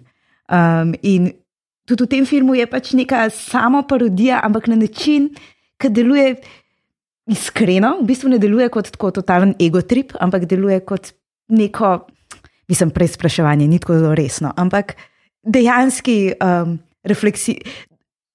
James Cameron si je dosti bolj všeč, kot se je Nicolas Cage všeč. To je vse, kar, je vse, kar bom rekla. Tako da moj glas gre za neznosno breme ogromnega talenta, definitivno.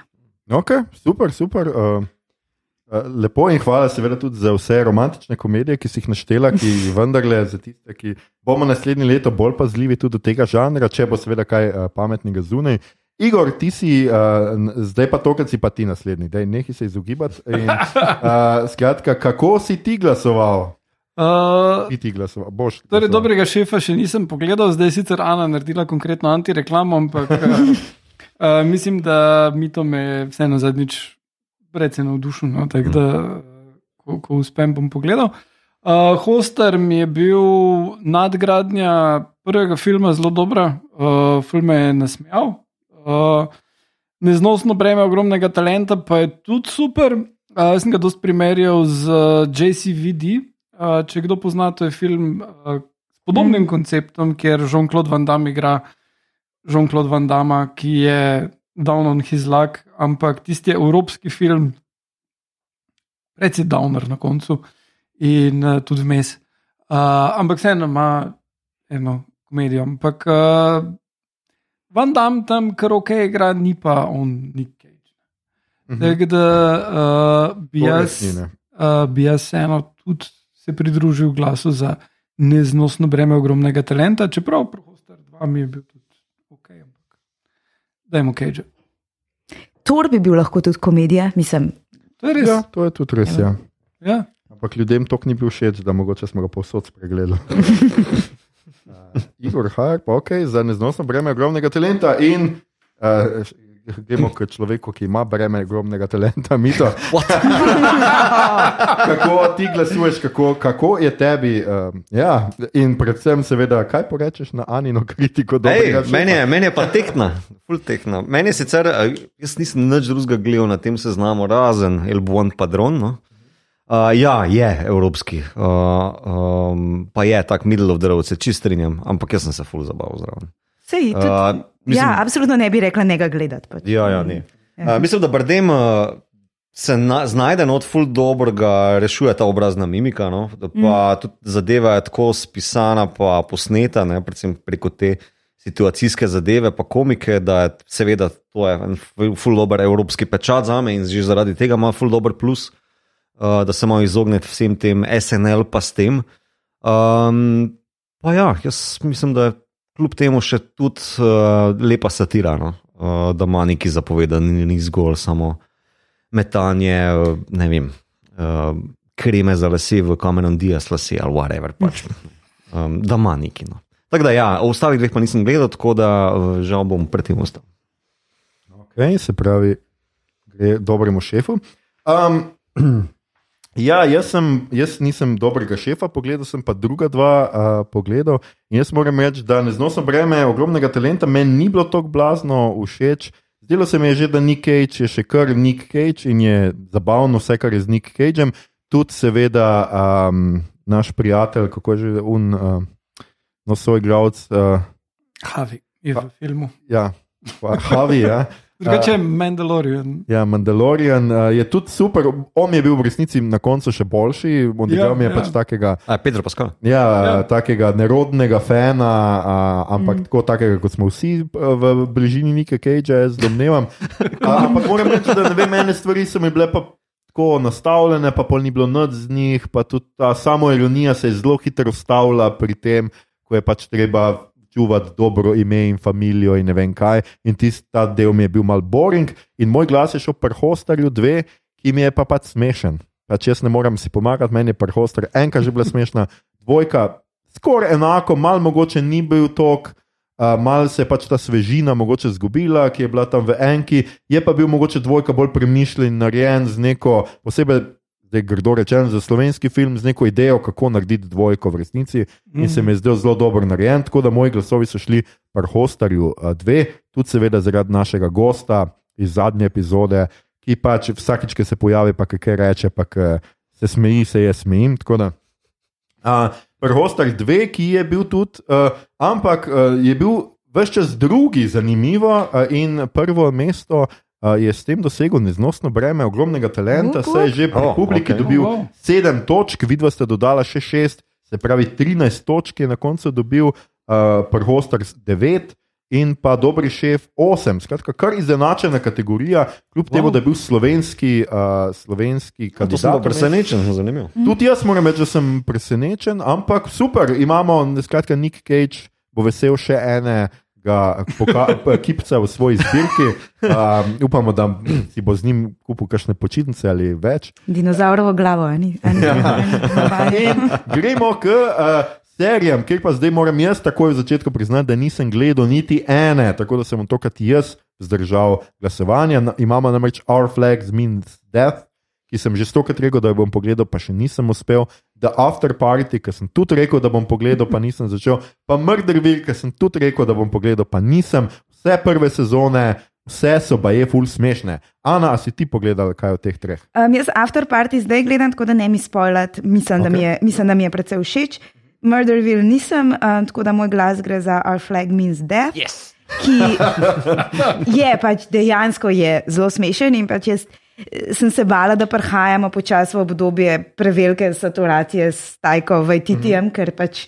Ne vem, se mi zdi, da si ga veliko od nas je tako malo prisvajal kot neko tako manj znanga, da je pa pač povsod. Uh mhm. -huh. Ampak v redu, je, je iskreno zelo, zelo smešna serija, ki je na nek način podobna v temah in idejah uh, What We Do in the Shadows, v tem smislu, zdaj gremo sicer smo pri gusarjih, ne več pri um, werewolves, not werewolves, vampirjih. V glavnem kontrast med tem, kako nekdo m, sebe vid, torej nek ta glavni lik sebe vid kot velikega pustolovca in gusarja, pa medtem kako ga vid okolica kot enega pač razvajenega aristokrata, ki si je zdaj kupil jahto in se bo šel na svojo misijo. In iskreno smešno je, in kar je pa zelo težko doseči, poleg humorja ima tudi neko zelo močno čustveno jedro in potem.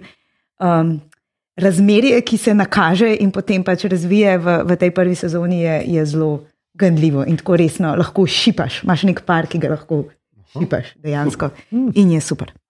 Plus, všeč mi je, da se sploh ne, tru, ne trudijo pretirano fejkati neke avtentičnosti. Tista ladja ni videla morja, tiste po mojem, vse je green screen ali pa neki. En pa z eno in v studiu imamo, imamo Ja, ja, vse zgleda ja. zelo fake, ampak je čisto vse, v resnici. No, okay, okay. Uh, se pravim, tudi zaradi takih opisov kot tale, moram to le enkrat pogledati. In uh, Igor, spet si ti na vrsti, da, uh, da poveš, ti si pa pogledal vse tri, če se ne motim. Ne. Uh, Our flag means Ja. ja. death tudi uh, je nekaj, kar sem pogledal prvi del. Uh Mhm. -huh. Uh, dalje pa nisem uspel priti, ker je bilo čist preveč serij in zdaj imam toliko serij začetih, ampak zdaj proti koncu leta jih zaključujem.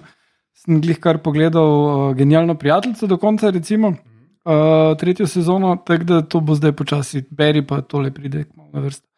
Uh, sem pa full fan, uh, uh, mislim, koliko sem zaenkrat videl, mi je bilo full všeč, uh, one dve sem pa celi pogledal in sta mi obe full dobri. Murderville ima odbit koncept, ki je deloma reality TV uh, in sicer uh, Will Arnett igra detektiva, over the top klišejskega detektiva, ki zapitega, ki mora razrešiti umor in dobi vsako epizodo enega vajenca, ki je nek slavn človek, po možnosti nek igralec, ki je bil že z njim. In uh, ta vajenec, ta igralec, ki igra vajenca, ne dobi scenarija. In ga Willarnet, pač Terry Seattle, vodi skozi celo zadevo, in on mora na koncu ugotoviti, kdo bi naj bil morilec izmed treh očitnih eh, kandidatov. Ne. Zadeva je pogosto ful smešna, včasih ta vajenec se ne obnese, pa je, eh, ampak določeni deli so hilarije, pa ful je drugače kot vse ostalo, tako da to je kul. Cool, no? Uh, tako da ful priporočam. Uh, Afterparty mi je pa bil še bolj všeč, zato ker je koncept, uh, da je vsaka epizoda narejena v drugem žanru. Mm. In uh, sicer pač je ena zabava, je eno truplo, in uh, pride policija, da bo raz, pač razrešila, in policistka, kriminalistka, potem zaslišuje, in vsakega, ki ga zaslišuje, ima neko drugo štorijo. Recimo prvi, prvi epizoda je romkom in je potem vse skupaj narejeno kot romkom, druga epizoda je musical in tako dalje. Mm. In je genialno izvedeno, uh, Phil Lord, uh, pa on ta drug, sta producenta in so scenarista. In uh, jaz, honestly, ne morem verjeti, kako njima vedno, basically, rata totalno narediti. Pa naj se lotite Lego filma, apokalipse, Spidermana, tega, mislim, Okay. it's amazing. Domnevam, da bo tvoj glasovali o Ja. Afterparty. Mhm. Tako. Pravi. In mito, ti si tisti. Our flag means death, itak. Um, zato, ker je edina stvar, ki sem jo pogledal, tako, tako na tem seznamu. Um, uh, od ostalih humorističnih serij letos bi še šel, mogoče tukaj se lahko znašel, What We Do in the Shadows 4, ampak so malo zgubili že ta veter v jadru. Kar pa ne pomeni za Our flag. Oh, kaj sem se Um, Pomorska. Ja, lepo. Uh, v bistvu vse, kar je Ana povedala, s tem, da bom še tu dodal, da je pač uh, ta koncept, uh, kjer se pač vesta, kako rečem, klišejski, toksično moški princip piratov zradira in inštalira v bistvu zelo nekaj svežega. In v bistvu ravno zato mi je ta za serija uh, zanimiva, pa smešna hkrati. Ne? Ker vsi liki so popolnoma nepredvidljivi, noben se ne znajde, noben ni tam, kjer bi mogel biti po vseh teh klišejih in to dela stvar full svežo in zanimivo. Tako da to je res. Pogovarjajo se o svojih čustvih. Ja, Tako. to, že to je tako. Ja. Ja. Oh, wow. Pa on jih uspava s kitaro, naprimer, Pa eh, pravljice jim pa pravljice jim bere. Pa, Ni da ni. Non-toxic masculinity. Super. No, okay, super. Definitivno pogledam, mogoče še celo ta teden. Ta teden je sicer postal neznosno obremenjen, ampak a, v redu. Uh, seveda, zmagovalec je Our Flag Means Death, yes. Uh, z največ glasov, 15 jih je vse skupaj zbral, 8 je The After Party, drugi, Wow. Murderville jih je zbral 6, tako da je bilo kar razdeljenega občinstva in z nami vred. In skratka, najboljši komični satirični uh, film, komedija, sta, uh, serija sta Neznosno breme ogromnega talenta in Our Flag Means Death. Imamo samo še tri kategorije, tukaj postaje vedno bolj vroče, jaz sem vedno manj oblečen uh, in upam, da vi doma tudi. Kajti bliža se novo leto, odštevate že zadnje. Um, jaz ne vem, kako vi praznujete novo leto. ampak okej. Um, na skratka, toplo, ampak to je pa že čist kalijente. skratka, gremo zadnje tri kategorije. Uh, imamo še, in prva od teh je kriminalni film Srhljivka skrivnostnica. In to je film in pa serija. Uh, in um, med filmi imamo tako eh, kar zanimiv izbor, um, mogoče bo komu ma- umanjkal, uh, uh, umanjkala seveda um, Steklena čebula. steklena čebula, hvala Igor, St, eh, smisel luk iz stekla, ampak steklena čebula bo čisto v redu prevod. Blaže veluk. Uh, manjka, ampak seveda prepozno je, niste še vsi uspeli pogledati. Jaz sem pred dvema dnevoma, ampak ne bom vam nič povedal. Bomo naslednje leto vključili. bomo naslednje leto vključili, če bo dovolj Najboljše. dobro, da pride med tri nominirance. In imamo uh, med nominirani Smrt na Nilu, uh, potem imamo Enolo Holmes 2 in She Said Ona ve, to slovensko, zakaj mm -hmm. tega nisem prevedel, ne vem. Skratka, ona ve, ki je trenutno On še v kinu. Ona še ve. Ja, ki je trenutno še v kinu. In Ana Jurc, seveda si ti prva, ki boš razglasila in povedala, kam so šle tvoje tri točke. A si Mislim- pogledala vse tri? Uh, ne, Enole Enola, Holmes Enola. nisem, ampak mislim, bi mal rekla, da je vse mal čuden izbor. V redu, sprejmem glede, Okay, glede glasa Onion, Ja. ja. ajde sprejmem, ampak kam, ste pa, kam se vam je zgubil, recimo Black Phone? To je bilo, to je bilo zelo v redu. Med grozljivkami, ampak je izpadel, ker so izpadel? bile tri boljše. Kam se vam je pa zgubil The Menu, recimo? Pa Spet, bolj grozljivka, tu mislim, Kako je prišel- res kriminalka. No? She Said je pač drama, kaj ne razumem. Ja, ampak je vseeno preiskava kri, krimi, kriminala. No? Dobro, le, jaz bom uporabljala, dobro, prav okay, ste, okej. vi ste. Ja, ja, Um, menu nam je bilo zelo žal, The nismo Menu, imeli ja. kam dati. Ja. Nismo Menu vedeli, Bullet je- Train bi. bi šlo, Bullet Train bi bilo, ne, to je akcijski. Ja, Ja, ja, ajde, je to je akcijski, ampak Dobro, Ja, v redu, okej, delamo okej. s tem. Um, jaz bom svoje Vok točke torej dala, ona ve, ampak ne, ne z nekim blaznim srcem, ker ne, ne vem, če je to fantastičen film. To je pač ni v bistvu o, v prvi vrsti tako zelo film o mitu um, problematiki, ampak je bolj film o moči, navdihujoči moči novinarstva in jaz pač, ker sem cinična, sem vsakeč ko mal zavijem z očmi, ker so neki. Junaški novinari, ki nekem, nekam laufajo in, to, Dobro. in so noseče devet mesecev, in potem ne v tem filmu, to je bilo zančo eno. In, in tam na stolu rojeva in vmes pi, pišu, piše lid še na koncu. No, v glavnem. In tudi tukaj ne, je pač težko, ne, če gledaš vsi predsednikovi možje, ali pa še če gledaš Spotlight, ki je bil par let nazaj, ampak je bil zgodovinski film, torej so lahko ljudje neke. Pre, neke kupe papirjev predstavljali, pa v arhive šli gledati. ne. Zdaj pa I shit you not, v tem filmu je prizor, v katerem je pač novinarka, pa tri uredniki tako stojijo in vsi gledajo v računalnik in potem pritisnejo tako le trije skupaj.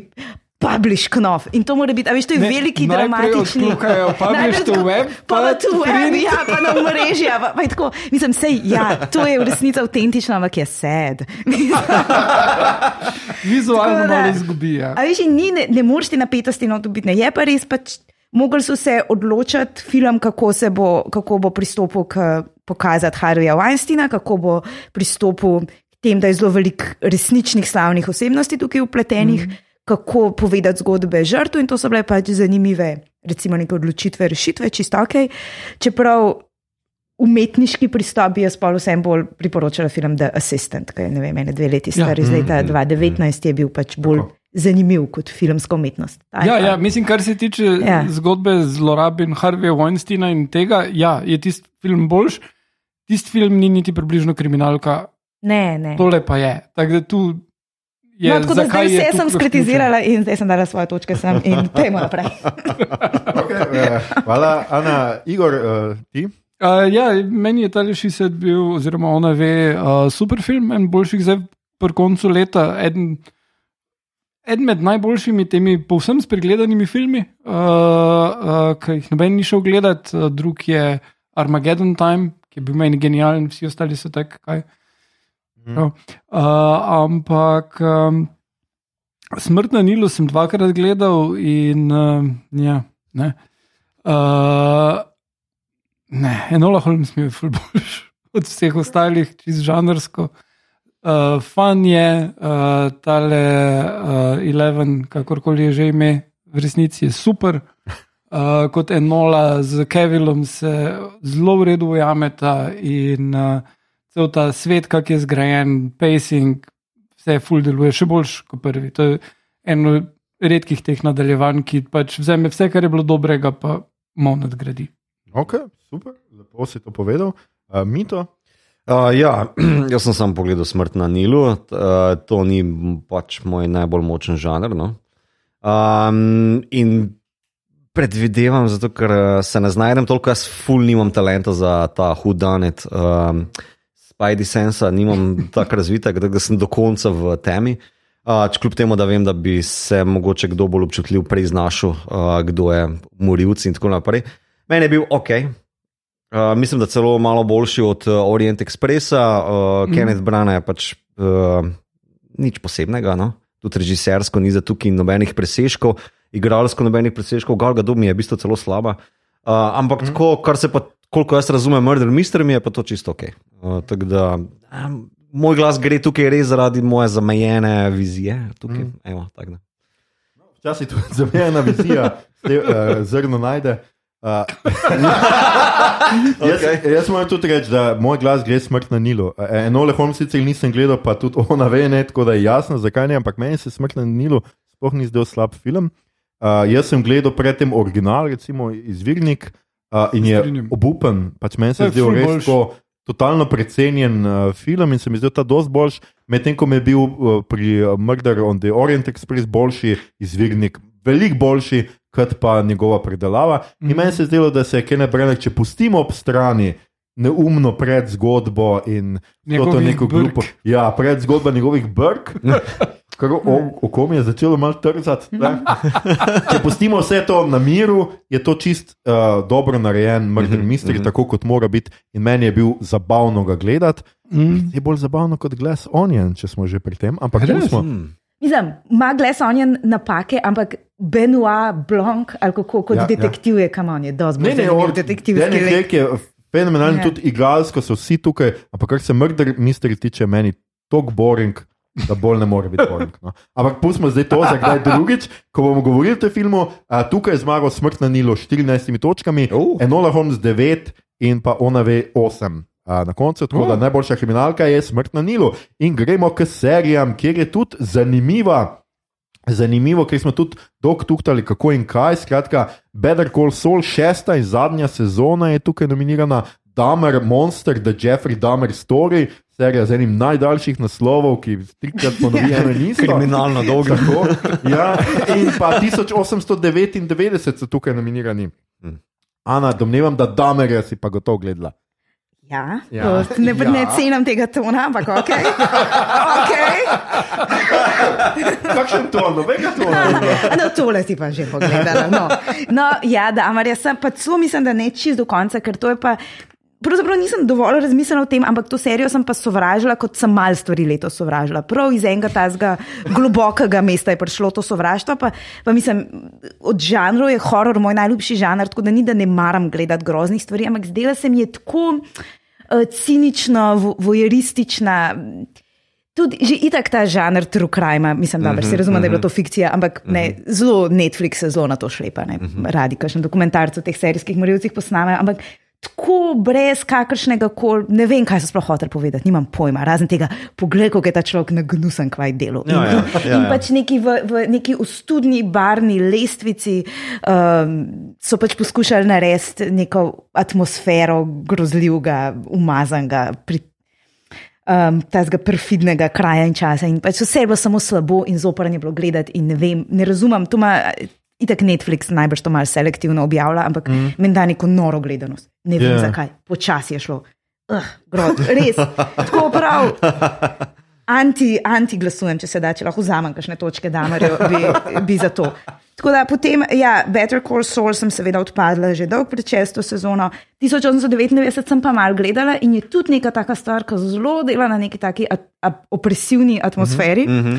ampak se pa ne trudi biti všečna na drug način in ajde, to bom pogledala do konca, me zanima.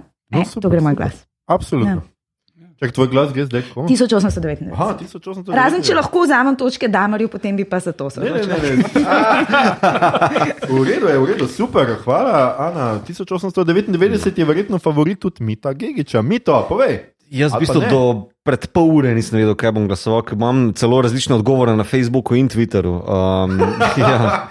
Dobro. uh, torej, Better Call Saul nisem gledal. Uh, Damer je bil meni zanimiv, ampak ravno iz, meni je bil zanimiv ravno iz tega, zakaj se Aha. tebi gabi. Uh, ker ja, zraven te ogabne, fluorescentne, le, barvne lestvice, mi je pa sicer super igra, pa posnete zelo kompetentno. Pa ko pride do teh momentov, ki se ti vse skupaj na rob, pa postav, se mi zdi, da ravno v tem je mogoče najbolj močen. Kljub temu, da to, mislim, da že v eni naši epizodi rekel, to ni za vsega. Tudi za me je mejno. Jaz v bistvu, eh, prosim, pojej nekaj dve uri prej, ne kasneje, pol ne boš imel apetita. Uh, ni pa toliko prav neki kraj ali pa misteri, v bistvu je zelo portret. No, Ja. ta, tako da tukaj ima za me minus točka, če ga gledam na to listico. ne. 1899 sem pa pogledal do konca, ima pa fora, da se, jaz sem ga želel celo stisniti pod sci-fi. Um, ker ima neki misteri elemente, ki se potem razkrivajo, nočem zdaj preveč spoilati. Um, ne, ja. ja, uh, gradi pa predvsem na teh cliffhangerjih, oziroma mi rečemo temu presinovisih. ne. Uh, Pečino. Pečinovis, ne presino. Pečinovisih, ja. ja. Ja, Um, in je v tem, v tem je pa zelo učinkovit. Atmosfera je super, zelo uh, všeč mi je v bistvu, uporaba vseh teh jezikov, pa različnih likov. Uh, pa potem, ko se začne uh, geografija lomiti, uh, pa neki ti prehodi, postane res dober mister. Soliden, kompetenten, tako da gre moj glas njemu. Okay. Igor, kako si ti glasoval? Nisem, nisem videl A. nobene od teh stvari. Da, Igor celo preskočimo. videl nič od tega. In ga preskočimo in sem na vrsti jaz, ki sem seveda glasoval za Better Call Saul šesto sezono, ker gre za eno najboljših kriminalnih serij po Sopranovih in po uh, The Wire in seveda po Breaking Bad. Kako je že Breaking Bad v slovenščini? kriva pota. Kriva pota. Kriva pot. Tako, kriva pota, vodite me. Uh, kakorkoli že, ampak Better Call Saul je nekaj najboljšega, kar je TV videl v zadnjih ne vem koliko letih. Jaz mislim, da je to pač. Um, Na enem koncu, subjektivno mnenje. na enem koncu Ljubljana za domen saveč, full kričijo. veš. Tako je, ja, Domen Savič pol kriči in še bolj bo kričal, ker seveda je zmagal 1899 z glasovi Ale in Mitota. 1899 pa še nisem pogledal in v resnici ne vem, a bom sploh gledal do druge sezone, ker me je Dark izučil. Da skratka, sem moral pol še enkrat pogledati dve sezoni, da sem tretjo, sploh Ne. karkoli štekel. Ni tako kompleksen, ne rabiš se ustrašiti tega, kar, No, kar uh, stisni ga pred novim letom. Te tedne, Ja, da pač se zdaj. gre na moj urnik za eh, ta teden. In najboljši kriminalki, srhljivki, skrivnostnici sta Smrt na Nilu in 1899. Hitro gledati ljudje, Smrt na Nilu imate tudi na HBO-ju, se mi zdi, Maxo. Ne?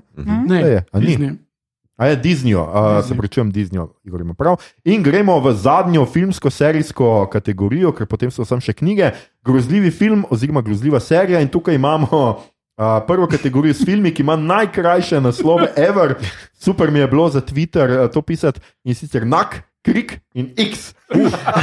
Veš, kaj bi temu lahko rekel, to je ta uh, horor vakuj. Ja, ja. To zelo. Uh, Ana, in kakšna so tvoje mnenja o prvič tudi v našem izboru? Mogoče bi ti vrstila kaj še Fonbuf gor? Um, ne, Phone. ne, ne, sem soliden, vi ste pa zdaj pa jaz preveč kritično izpadam. Ne, ne, vsi, vsi so fini filmi in pač to je grozljivka, je pa evo, moj, moj žanr. Tako da sem to vse videla in moram reči, da za ta X nisem. Um, nisem vedela, da je to stvar. Jaz sem do tega prišla prek filma Pearl, ki je bil pač ja. dost miman in dost nekako v, v zavesti pop kulture. In potem, ko sem Pearl pogledala, sem ugotovila z kratkim IMDB čekom, da je to predzgodba tega drugega filma in da sta v bistvu približno enkrat nastala. In um, sta mi taka, mislim, lušna, najbrž ni tukaj dober pri, pridevnik, ampak um, vrača se k nekim tem temeljem, teksaški pokol z motorko, tak um, down, basic. Um, Nagrajen horor, mm. mislim, in, in se mi je zdel tudi uh, slika, mislim, obdobje zelo, zelo dobro kreirano. Tako Da, čeprav moram reči, da mi je bilo prvo mogoče bolj všeč, či zaradi, ker je pač Mija Goth odličen psihopat, sociopat in je okay. pač. In eh, velikrat vidimo te, te morilce, skrivnostne, ne, neargumentirane, psihotične moške, evo tukaj je pa ena ženska sekiro, ki, ki pohara. Tako da ja, Pearl in X bi jaz dala kot skupni. skupno. Mislim, čeprav je dober, krik je bil zelo kompetentna vrnitev, ki te niso zafurali vsega, ampak spet pa, mislim, v redu, ne moramo jo sesuti, ampak ni pa tok nič novega naredil, ta novi stari krik. Uh, Nak je pa moj najmanj ljubi film Jordana Pila, ampak to je še vedno, mm -hmm. kot, če parafraziram Igorja, pravi boljši kot od, najboljši film od Mrskoga. Tako da ga pač tudi časno omemben. Res. Skratka, tvoj glas pa gre pol. X. X, vseeno. Super, X. Um, uh, mito. Moj glas gre enako, ker je edini, ki sem ga gledal tlele. Uh, se strinjam z Ano, da v bistvu izmed Jordanovih je to um, najmanj, ampak ta najmanj je toliko, toliko za, ima toliko zapovedati. no. Um, in to je vse, kar bom povedal. Okay. Igor. Uh, jaz pa v bistvu bi se strinjal s tem, kar je ona povedala za X, razen da sem jaz najprej gledal X uh, in imam v planu ta teden pogledati prvi. Uh, tako da ja, pa Mija Goth je super že tudi kot uh, Final Girl. Uh, tako da se prav veselim, da. A, ampak bo a to pomeni, da tvoji glasovi grejo pa? X. Aha, X. Mm. Jaz sem se boril, plot da je na lestvici. Uh, tako da ja. Ti si ga hotel skiniti. Ni bil v kinu. Ja, uh, ja, ja. Jaz mislim, da je to napaka distributerjev, da ni bil v kinu, ker ta film je res Lej, v redu. zdaj, zdaj je že pravilo, ne? obot ima prav, distributerji nimajo. Ja. Ja, tukaj je bilo kar nekaj dilem. Jaz žal nisem gledal X in Prla, tako da te tukaj bi težko a, glasoval za njo. Sem pa imel kar nekaj dvomov med krikom in nakom, uh, in, ampak iz preprostega razloga, ker nak mi je tako srhljiv, ja, a je to grozljivka. Mislim, itak je ta vesta privzdignjena groza, ki jo danes uh -huh. gledamo. Je vprašanje, koliko je to še res groza in tako, ampak kot sam film. Mislim, ampak As je bil meni terrifying vseeno. Ja, ja, Ja, ne, ja, ja, ja, ja, ja. mislim, kot. Uh, Absolutno, pa tudi uh, Get Out je bil še vedno pač je čista grozljivka. Ne? Tukaj ja. Ja. je pa to tudi z elementi, tudi tako noter, uh, ampak vseeno je to eden mojih eden najlepših filmov, mm Mhm. -hmm. najlepših grozljivk. Jaz sem to poimenoval žrelo v zraku, oziroma žrelo ja. med oblaki. In se mi zdi res pač tako, glede tega skrivanja, se mi zdi nekaj pač izjemnega. Mm. -hmm. Tudi kako je on prekoračil ene te klišeje, stopnjevanja napetosti, pa tako z temi Mm. zelo, uh, bomo rekli temu. Temnopolto kulturo, kako je vnesel grozljivko, se mi zdi pač izjemno mm. za Jordan Pila, tako da moj glas je šel k naku. Poza- To, evo, to bom pa omenil. Ne, mm. pač, čista tehnični aspekt, mislim, da so naredili izjemno inovacijo. Uh, Hojte pa Jordan sta v bistvu uporabljala istočasno uh, filmsko kamero, pa infrardečo kamero, da sta dobila izjemne uh, night shote, oziroma day for night, mm. uh, night for day, uh, kako se že pač reče. In film zgleda izjemno. Ja, Prav ja. ta look je nor. Absolutno je to film, ki ga treba v kinu. Mm. Upam, da ste ga videli v kinu. Uh, in na koncu to pomeni, da je enak zmagal z 15 yeah. točkami, X pa z 11, drugi tudi je bil zelo pogosto. Glede na to, da ga ni bilo v kinu, je bil vseeno kar favorit, tudi na Twitterju je bil drugi, tudi na Discordu je bil drugi. tako Da, Ja, mislim, folk, ki ima rad žanr, uh, pač mm. horror, basically, je vedel za ta film, zato Tako. ker pač malo spremljaš in je res odmeven, plus uh, Ty West, ki ga je režiral, je do zdaj naredil precej dobrih horror filmov. tako no, da ja. super. In skratka, gremo še hitro k serijam. In tukaj jaz že zdaj povem, da ne bom glasoval, ker nisem pogledal niti ene še. Uh, Cabinet of Curiosities imam, ki je na prvem mestu, uh, uh, oziroma prvi kandidat. Um, imam seveda spet na seznamu, ampak to pa res ne vem, če bo ta teden. Archive 81 je drugi, tretji je pa All of Us Are Dead, prva sezona. Ana, si ti pogledala karkoli od tega? Jaz sem tudi slaba. Jaz sem pogledala, mislim, da dve od Guillerma del Tora, torej mm. itak. Ja. Ker imaš pač lahko pogledaš kadarkoli, ker ni nadaljevanje, pa si Tako. rečeš, sej bom, pa, pa še ni uspel. Ampak ne, nisem nehala zato, ker bi bilo slabo, ne pač itak pri teh an- antologijskih je kvaliteta pač. Vsakič na novo se odločaš, ampak te njegove klasične teme um, fašizma v nekem, saj v tej, tej ta prvi, no, fašizma v, v, v fantastičnem kontekstu. Tako da pač, mislim, da je um, Guillermo del Toro zelo tak zanesljiv podpis, v smislu, tudi, če je pred stvari on zraven, približen veš, kaj boš dobil, tudi če mogoče, ne vem, slabše na podvodne pošasti, v, kako je bilo Shape of Water. No, Mhm. aha. Ampak še zmeraj dobiš dosti vizualno Mhm. iz tega ven, da, je- da je vreden. Tako da jaz znam, plus nič od drugega dvojega nisem videla. tako da. Uh, Igor, ti si največ od tega pogledal, oziroma uh, All of Us Are Dead si samo prvi del pogledal. Ja, all of, us are, all of us are dead. Sem gledal prvi del, niti ne vem, če do konca, meni je bilo to preveč nasilno. No, In to je definitivno nekaj, kar bom jaz pogledal. Še pred koncem tedna. Challenge, accepted. Uh, ja, ampak je bilo malo pointless. No, ne vem. Uh, Tako da mi ni bilo všeč. Guillermo del Toro z Cabinet of Curiosity si super, uh, kot je Jana rekla, antologija. Eni deli so super, eni deli so za nič. Mhm. Uh, na daleč najboljši je, pa sploh ni skeri, tisti del, ki ga sta ga naredila, tipa, ki sta naredila Mendi. Mhm. Uh, in uh, Sedmi je, del, ja. ja, Mm. res hud. Um, in uh, moram reči še enkrat, da pri zadnjem delu uh, igra glavno vlogo uh, Andrew Lincoln. In uh, je tema zgodbe, kako se pač ne uspe uh, približati ženi, ne uspe spostaviti stika z njo po smrti otroka. Ampak res ne vem, zakaj ni probal z karticami nagovoriti. Aha. Um, ampak ja. sem eden redkih, očitno, ki je gledal Archive 81, meni je bil super zabaven, uh, je o tipu, ki restaurira uh, uničene um, videokasete. Ima time travel element, ima kult element in ima element, uh, ki ga zadnji čas se ful cenim, uh, najboljšega prijatelja, ki ima podcast. uh, in, Šit, vred- a, a doživi tako zelo nasilno smrt, ta prijatelj, kot zveni tak, Ne. kot tak lik? Ne. Ne, A, okay. Ne, ne, ni filmski kritik. Uh, Glavnem, to, to se mi je zelo dopadlo, zelo v redu gradi atmosfero, uh, mm. zelo dobro je odigrano. Uh, pri time travel konceptih je pač tak, da zavedam se, da sem nekdo, ki je videl že več time travel zadev in pol mi je dosti hitro postalo jasno in se ti zdi pol lik malo neumen, ampak sklepaš, da če je realen, re, realen lik, ne bo takoj zaštekal, da je v time travel lupu ujet. Tako da, ja, no to. Ampak tvoj glas bi pol šel. Archive 81, Okay, okay. ker uh. pač, da bo dobil kak glas. Uh, Mito, Mercy vote. a ja, Mito, ti tudi si gledal samo eno. Ja, ja torej jaz za Guillermo del Tora, uh, kabinet čudes. Um, meni je zelo zabavna, super, grozna tudi uh, zadevca. Ja, so slabši deli, uh, ampak zmaga pa res v tistih, ki so to dobri. Ne, torej, um, mislim, da ta sedmi del, ki je ta, um, no, kak je že.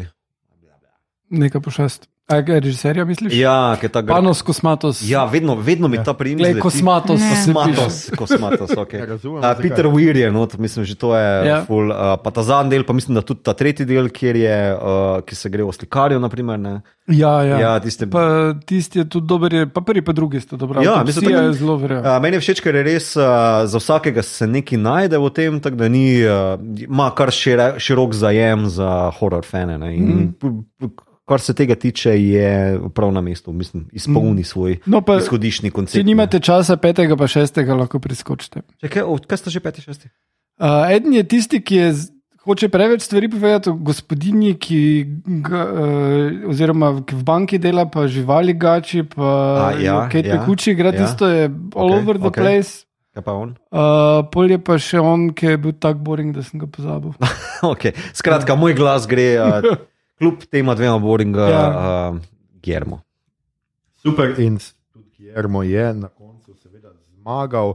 Uh, Del Toro's Cabinet of Curiosities je najboljša grozljiva serija, nak najboljši grozljivi film. In zdaj gremo k zadnji kategoriji, ki je lahko skupaj Kaj je. Archive dobil kak glas razen ja, mojega? seveda, 15 glasov Del Oh, Toro, 8 Archive, 81 in 4 Olova za Dead. Tako da Uh -huh. je bil kar drug in tudi uh, je dobil, tudi na Facebooku je, mm, je a ne, tretji je bil, na Twitterju je bil.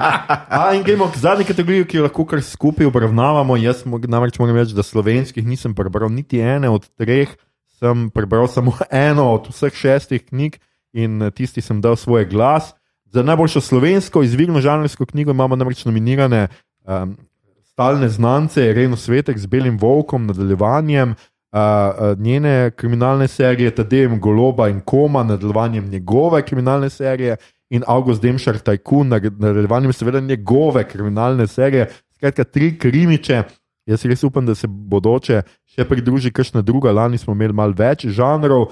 Med prevedenimi žanrskimi knjigami imamo pa Krimičtano, French v gozdu, uh, potem ko bolj skrivnostnica, Time Travel ZF, skratka Stephena Kinga 22, 11, 1963 in pa fantazijo Andre, Andreja Sapkovskega, Veščec, Meč usode. Jaz bom kar povedal, da jaz berem Meč usode, samo še eno kratko zgodbo moram prebrati. Boljši od prvega, Uh. Sapkovski je za me eden najboljših piscev, kar se tiče fantazije, z najboljšim slogom, najbolj je z, zanimiv, zdaj ima tudi v drugem delu ima boljše karakterje, boljše dialoge, humor je stokrat boljši in še lepo drugi knjigi mislim, da tako skužiš. Zakaj bi kdo potem delal serijo in zakaj je to nekomu Mhm, tako všeč? Mm -hmm. Tako da moji trije glasovi so šli Sapkovskemu in Veščecu meče sode. Smo pa tukaj izločili postavo 11, to bi jaz vseeno rad povedal, zato ker smo pač hoteli, da Igor ne pobere obodeka, ker to bi bilo, to bi bilo vseeno preveč, no, da si jih talamo med sabo. Tako da, Ana Jurca, si ti prebrala uh, kaj od tega? Ne, jaz sem te slovenske avtore, sem pač od vseh brala kakšne prejšnje stvari Mhm. mm. in nisem, mislim, Irena Svetek mi je bila relativno všeč, Aha, tisti prejšnji roman. Resni, ja. Ja. Medtem ko izrazito nisem fan goloba no, in pač imam to mm. komo doma, zato ker sem jih za eno darilo kupila. In sem tako malo, del- mislim, še vsak naslednji roman je daljši in pač ne. Niso, zrazlo, mislim, niso utemeljeno skozi daljši. Pač ja. Veliko je enega balasta noter, tukaj pač jaz razumem, zdaj to vsi povemo, to avtobiografsko temo in potem smo pač mm. empatični, ampak ni to dobro. Mislim. Pa zdaj, že, zdaj se že to popolnoma prepleta, zdaj že pač pride Sebastian Kavaca na knjigi Tako, ven. In, Ja. Mislim, pa se to ni, se serija ne škodi tej seriji, ker serija kvečemu dvigne te knjige. Mislim, jaz mislim, da je serija boljša od knjig. No. Ampak ne, ni to za me. Um, pol, mislim, če moram zbirati, imam potem rajš Demšarja, no, ampak tudi. Sem prebrala, kar sem pač morala za, za službo, pa, pa nisem potem ga naprej iskala. Ampak mm. čist na, na ravni, uh, kako ubije nekoga, pa kako naredi skrivnost, je pač boljši. Mhm, Boljši je struk, ja. strukturiran ta umor ali karkoli. Um, teh žanrskih pa sploh ne, jaz sem brala tega Stephena Kinga takrat pač v angleščini, ki je šel. Jaz sem imela svoj čas zelo rada Stephena Kinga, ampak res, dokler se drži te nadnaravne groze, zlo, mm. ki je utelešeno v neki pošasti, super, ker pa ta, ta time travel, pa ubijamo Kennedyja, to je bilo pa dost. Mislim, tudi je bil zelo debel špeh, pa ne vem. Ampak tukaj verjetno se pogovarjamo o kvaliteti prevoda, to pa ne morem. Ne, ne, A ne? o kvaliteti knjige, ki je Ja. ja. zdaj na voljo v prevodu. Zdaj, Tako. če bi bil prevod strahotno slab, pol bi izločili, ne bi bil kandi, uh, Mislim- kandidat. Tako. Ampak eh, če je prevod soliden, pol pač je tukaj. No, ne zdi se mi to ful močen Stephen King, ne vem. Ti, mm. ti boš verjetno bolj, imaš več mnen o tem. Um, to Tano Franc sem pa zdaj prebrala recenzijo od Simona Popka in me zelo zanima in moram prebrati. Ja. Okay, super.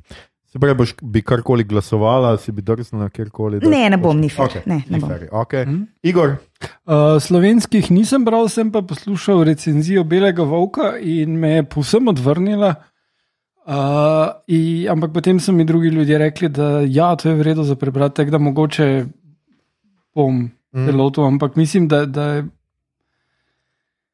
Jaz sem se že pri nekaterih skandinavskih avtorjih naveličal, uh, pri kriminalkah, da imaš lika, ki ima 15 tisoč travm, in potem so še vsi liki okrog njega, ki imajo 15 tisoč travm, torej da najmanj vsaj so bili trikrat posiljeni od šestih različnih ljudi kot otroci, Ne.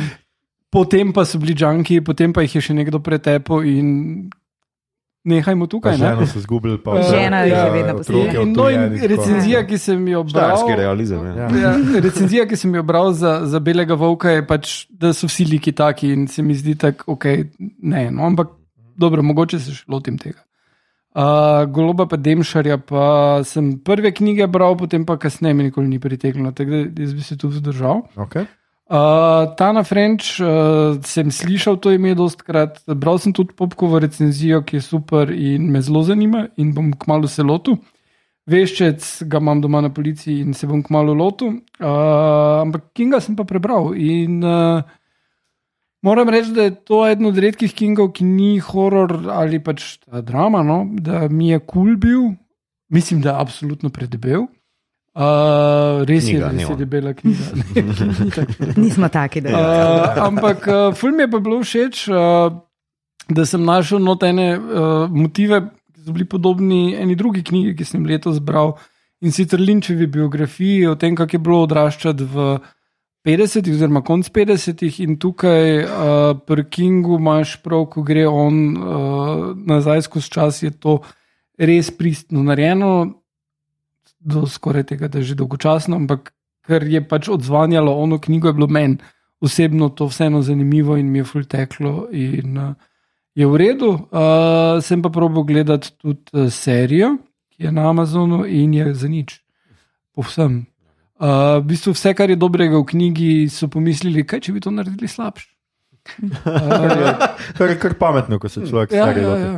Tako da, uh, dam, dam glas Kingu. to. Kingu. Ja. Absolutno. Uh, ne, ne morem dati glasu ničemur, kljub temu, da imam veščice doma, mm. celo eno poglavje sem že ruknil, ampak je premalo, da bi bil suveren tukaj.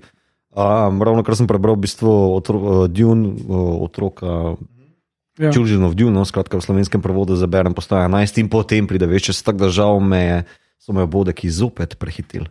Um, tako da se vzdržim. No. Okay, tukaj smo večinoma prepustili sicer publiki glasove in publika je izglasovala, tako da je najboljša slovenska žanrska knjiga Tadej Golob Koma.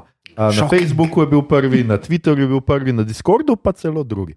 Kdo ga je Um, prehitil? uh, Demšar od vseh, ampak tam je bilo zelo malo glasov, zdaj le vmes, ki sem Ja, čekiral. pa sem imel borčani. Uh, Medtem ko uh, Irena Svetek, druga, druga in tretja. Uh, najboljša prevedena žanrska knjiga je pa Andrej Amžej Sapkovski, Veščec meč usode z 11 točkami, uh, je vseeno na koncu zmagala. Uh, še enkrat tudi podarjam, da se mladinska knjiga, to vem pač, ker smo kolegi, zelo trudi Andreja Anžeja pripeljati na naslednje NMN uh, maja in zaenkrat je nek kvazi načelno zanimanje avtor in agencija izkazala, tako da mogoče Uh, se lahko zgodi, super. da človeka vidimo tam. Do takrat pa naj bi šla že tudi tretja knjiga.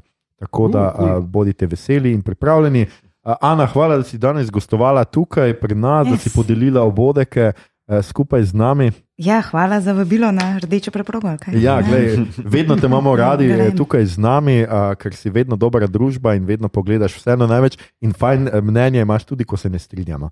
Um, ljudje in ljudje, ne boste verjeli, to je bila že naša 143. epizoda. Poslušali ste podcast, ki se oglaša na Meobot, podcast za serije, filme, risanke, špile in knjige vseh žanrov od F do Z, ki ga gosti mreža aparatov. Z vami smo bili.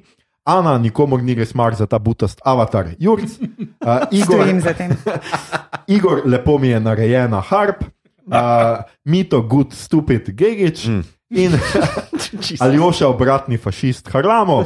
Tole epizodo smo posneli v prostorih mladinske knjige in Cankareve založbe in vsi, ki ste nas poslušali, ste pravno formalno zavezani k temu, da spregledate in odpustite do štiri zatipke naslednjih treh knjigah obeh založb. Če vam je bilo všeč, kar ste danes slišali, delite všečkate naš podcast, naročite se nam preko vaše najljubše aplikacije oziroma ponudnika podcastov, dajte nam kakšno oceno na Apple Podcast ali Spotify, spremljate platformo aparatu z odličnim izborom podcastov za vsakega in če ste v sebi zakopali silvestrski poljub, se prosim še danes naročite pri pulmologu, da boste na vrsti do naslednjega silvestrovega in ne, dragi moški, poslušanje podcasta obot ne šteje kot seansa pri psihoterapeutu. Lahko pa nas SP uveljavljate kot davčno olešavo, LGBTQ plus pari kot otroški dodatek. Če pa ste bili letos vsaj na treh epizodah v živo, pa ste upravičeni davka po zakonu o verski svobodi.